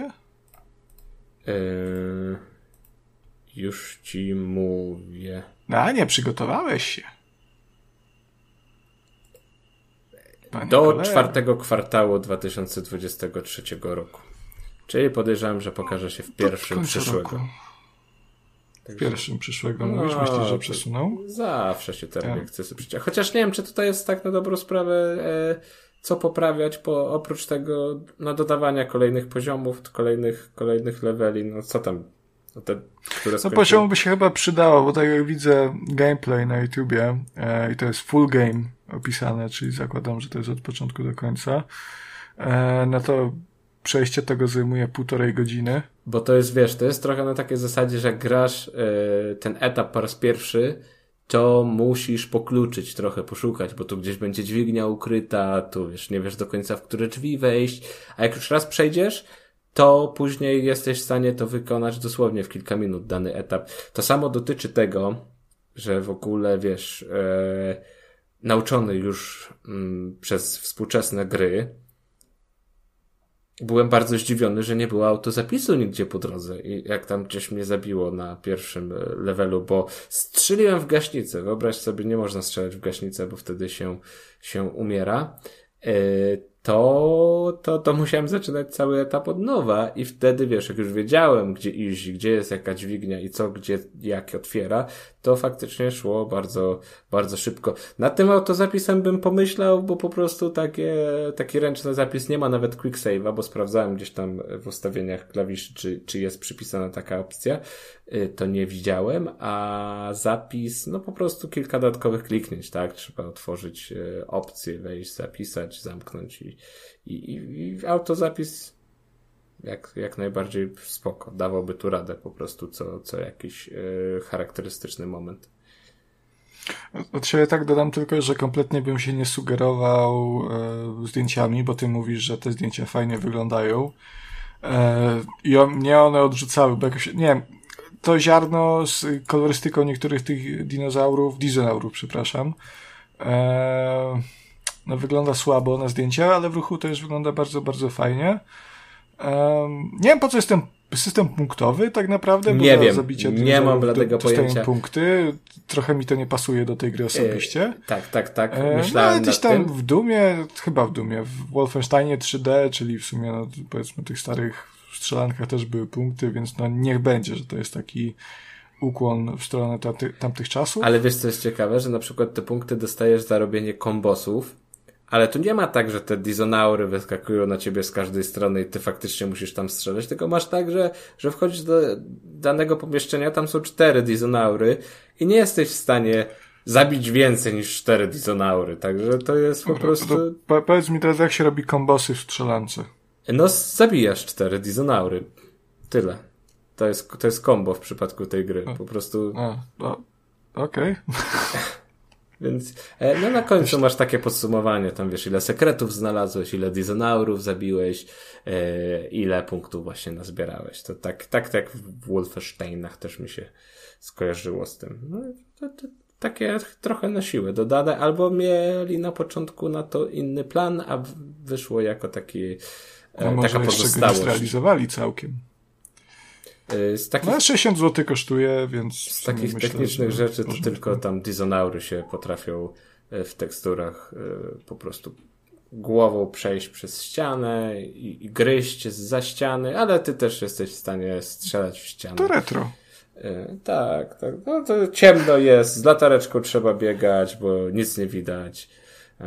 O, to takie jest- Layers of Fear trochę. to jest takie, takie uroczo proste i uroczo słodkie. Chociaż, no nie wiem, no ja, ja to bardziej traktuję mm, w kategorii ciekawostki y, niż, wiesz, pełnoprawnej produkcji Mhm. i, gry. Dobra. Okej, to wyprztykaliśmy się z gier, jeżeli widzę dobrze po rozpisce, tak? Chyba, że chcecie o czymś jeszcze na szybko opowiedzieć. Nie. To ja wam opowiem. Ja teraz przygotowałem kącik kulturalny. A dokładniej kącik komiksowy, bo y, ostatnio się wkręciłem troszkę w komiksy. Ostatnio E, dwa w lata sumie- temu. Y, Nie, ostatnio, ostatnio. Czytałem to dłuższego czasu, ale, ale ostatnio jakiś taki miałem napad komiksowej manii. E, chciałbym polecić komiks, który kupiłem razem z Kubą. E, na, nie Pixel Heaven, tylko na targach książki w Warszawie jeszcze. Komiks nazywa się... i lepiej. E, tak, 50% taniej był, ale bardzo fajny komiks. E, on się nazywa Andromeda, czyli Długa Droga do Domu. Jest to komiks portugalski autorstwa, teraz mam nadzieję, że to dobrze powiem. Cristiano Ronaldo. Ze... Nie, lepiej. Ze Bernaja. Burnaja, nie wiem jak to się wymawia po portugalsku. Mm, na pewno nie tak. E, I to jest dość ciekawy komiks. E, warto go sprawdzić. E, Ze Burnaj ma naprawdę świetną kreskę. E, to jest. to w, powinien być z Kolumbii. no widzisz, to pasowałoby, bo to jest taka czarno-biała kreska, więc tutaj ta biel się zgadza. Komiks nie jest kolorowy, e, ale, ale prześwietna kreska, e, bardzo realistyczna, bardzo dokładna, ale nie hi hiperrealistyczna, żeby zaznaczyć. A dlaczego na okładce Świet... jest syrenka warszawska na Lwie? A widzisz, to musiałbyś przeczytać, żeby się dowiedzieć. Natomiast, no, ale tak, tu jest dużo tego typu klimatów, właśnie takich surrealistycznych, e, jakieś zwierzęta z ludzkimi twarzami. W ogóle sylwetki zwierząt są przepięknie narysowane. Fenomenalnie to wygląda. Mam wrażenie, jakby Zeborna jakoś w swoim życiu kiedyś analizował anatomię zwierzęcą. Mm, I, i, I to teraz e, naprawdę oddaje. Świetnie to wygląda. Sam komiks E, opowiada natomiast o tułaczce nomada, który w zasadzie tutaj jest ciężko mówić o fabule, bo teoretycznie ten komiks nie ma do końca fabuły. E, to jest bardziej taki komiks artystyczny. No on opowiada, mówię, o, o tułaczce nomada, który prawdopodobnie próbuje wrócić do tego domu, jak wskazuje tytuł, natomiast no nie do końca wiemy, czy tak faktycznie jest, nie wiemy, gdzie jesteśmy. E, dostajemy tylko takie strzępki informacji insynuujące, że może doszło do jakiejś katastrofy na Ziemi, do jakichś paranormal, paranormalnych zdarzeń, może to nie jest w ogóle Ziemia, tylko coś przypominającego Ziemię, ale zupełnie obca planeta. E, I podróżując wraz z nim przez, przez te w zasadzie pustynie, przez te kaniony, góry, podziwiamy tę zniszczoną Mm, krainę, staramy się odnaleźć tym wszystkim sens, prawdopodobnie tak samo jak on. E, klimatu do tego wszystkiego dodaje fakt, że to jest komiks niemy. Tutaj dialogi są, ale jest ich bardzo, bardzo mało e, i to świetnie wpływa na takie poczucie osamotnienia, które poniekąd dzielimy wraz z głównym bohaterem, poczucie tego zagrożenia, że ten świat jest bardzo nieprzyjazny do życia a dodatkowo, kiedy już jakieś dialogi się pojawiają, nawet jak są tylko pojedyncze słowa gdzieś tam rzucone, mm, to przez to, że cały komiks jest niemy, to te słowa jeszcze bardziej wybrzmiewają, jakby są głośniejsze, jakby pobrzmiewają takim echem e, w głowie przynajmniej naszej. E, albo w moje, może jestem pierdolnięty, natomiast uważam, nie, że to wszystko... Nie, nie, nie, no nie uważam, mów tak, że to jest nie mów tak, nie. bardzo fajny zabieg i bardzo fajny efekt. A jakby ktoś chciał, to dodatkowo, to jest też na pierwszej stronie komiksu, e, na potrzeby tego, tego, tego albumu została stworzona specjalna ścieżka dźwiękowa, którą e, można sobie odtworzyć. I ona też jest świetna. To jest taki ambient, bardzo mroczny, też niepokojący i świetnie się komponuje z tą kreską, z tym klimatem samego komiksu, mm, także polecam czytać z nim. E, problemem jest natomiast tutaj fakt, że e, sam komiks, sama ta historia nie prowadzi trochę do niczego. Nie ma żadnego finału, nie ma żadnego zakończenia. Po prostu komiks się urywa. To są jakby takie trzy to może e, dlatego był opowieści. na przecenie, Konrad. To. E, może, ale... Jakiś wybrakowany wszystko... dostałeś. E, nie, szukałem, patrzyłem sobie potem, czy jakaś część druga też e, jeszcze nie ma, ale mimo to, mimo tego, że jakby tu nie ma tego zakończenia, to e, czas tym komiksem e, uważam za naprawdę bardzo udany. Mm, jest to takie bardziej tak, tak jak przeżycie niż jak poznawanie jakiejś historii, bo to jest takie, mówię, trochę takie katarzis bym powiedział. E, warto sprawdzić, e, jeżeli macie ochotę na, na, coś takiego, to koniecznie, jak będzie na jakiejś e, przecenie, to, to tym bardziej. I ogólnie, jeżeli chodzi o komiksy, to jeszcze tak na szybko tylko chciałbym polecić, jeżeli szukacie czegoś takiego, żeby wejść w świat komiksów, to ostatnio kupiłem sobie parę numerów e, magazynu komiksowego Relax, mm, a także numer Metal Harlanta. I to są oba magazyny komiksowe dość legendarne. Relax sięga czasami do PRL-u, do PRL-u to jest kom, komiks, znaczy no, wydawnictwo polskie. Metal Harland natomiast to jest kultowy, taki, no nie wiem, kontrkulturowy wręcz magazyn jeszcze z lat 70. francuski e, i teraz się zaczął ukazywać w Polsce. E, obecnie jest w sprzedaży numer czwarty, będzie niedługo piąty. E, jest to świetne wejście w świat komiksów, ponieważ możemy poczytać trochę o. Tam są artykuły, ich jest, ich jest niewiele, ale są i są fajnie napisane przy okazji. O, o historii komiksów w Polsce też, o historii samych magazynów jak to powstawało. E, plus dużo tam jest e, właśnie dobrych komiksów często jedno, jednoodcinkowych, ale trafiają się też całe albumy. Na przykład w najnowszym numerze Relaksu 40 czwartym bodajże ukazał się e, bardzo dobry komik. Dzisiaj rano go skończyłem. E, Pola Krocze bodajże? Paolo Krocze? O, chyba tak. E, zatytułowany Adolf, nie Adolf, Hitler. Kurwa, czekaj, ja to wyciągnę, bo ci powiem. Tak, Hitler Studium Zbrodni, stąd na okładce tego numeru, to jest numer 32, widnieje właśnie e, podobizna Adolfa Hitlera, bardzo kontrowersyjne, e, ale też w sumie dość e, ciekawe i intrygujący, intrygujący wybór. Mm, dobry, bardzo dobry komiks, ukazujący, to jest będzie ciekawe, ukazujący Hitlera jako bardzo ludzko, przez co wszystko to, co jest pokazane, czyli e, całe to zło II wojny światowej, e, nazizmu, Auschwitz, e, poprzez kontrast jeszcze bardziej wybrzmiewa, wprawiając czytelnika w takie wrażenie, że do zła nie są zdolne tylko potwory, ale zło może siedzieć w każdym z nas. E, I to jest trochę truizm, ale, ale bardzo fajnie to wypada w, w tym komiksie, także jak jesteście ciekawi, ten numer warto sprawdzić. Relax też jest wydawany w ogóle e, naprawdę świetnie. To są e, dość grube wydania po 160 stron na dużym formacie z bardzo dobrym, sztywnym papierem. Metal Harland natomiast, tam są też dużo komiksów francuskich, dużo nagości tam jest. To jest gruba kniga na trochę mniejszym formacie, z trochę gorszym papierem, już takim bardziej czasopismowym, e, ale też warto to sprawdzić i, i, i no to jest naprawdę świetne wejście w, w świat komiksów, uważam.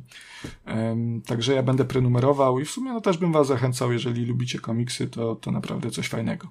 No, tyle ode mnie. No nie spać, no ja wiem, że długo nudzę, no ale halo. Nie, po prostu mm, potrzebuję chwili, żeby przyjąć ten piękny kącik kulturalny. Eee, Kuba chyba też. O, dziewczyny z Dubaju widziałem ostatnio. O kurwa, no to teraz się zaczyna kącik kulturalny. A ja Botox, nie. kurwa. O, nie, ale to, jest, ale to jest zupełnie inna liga wbrew pozorom. Dziewczyny z Dubaju jest, jest autentycznie fajnym filmem. E, troszkę artystycznym, nie tak głupim e, jak filmy Wegi i E, wydaje mi się, że przez marketing trochę taka fama poszła, że to jest ten sam poziom, a nie jest. Nie jest wybitny, ale jest spoko. Także... Kasper, kończ to, kończ to. Bo...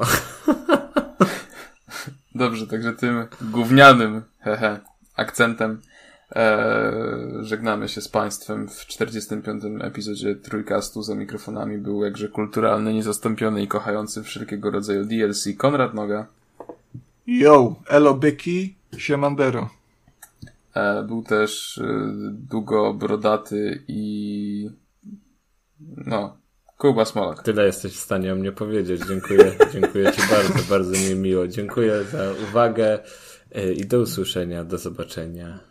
Ja bym o Kubie tylko powiedział jeszcze, że to jest taki dinozaur. Dizonaur. Czekaj, di dizonaur polskiego podcastingu. No tak. No i byłem też ja, Kacperek. Również wam bardzo dziękuję. I dobrej nocy wszystkim. Papa. Pa! A... A wy? Co sądzicie o grach i tematach poruszanych w odcinku? Koniecznie dajcie nam znać w komentarzach, na Twitterze lub poprzez adres e-mail. Wszystkie linki znajdziecie w opisie. Pozdrawiamy. Ara, ara, sayonara!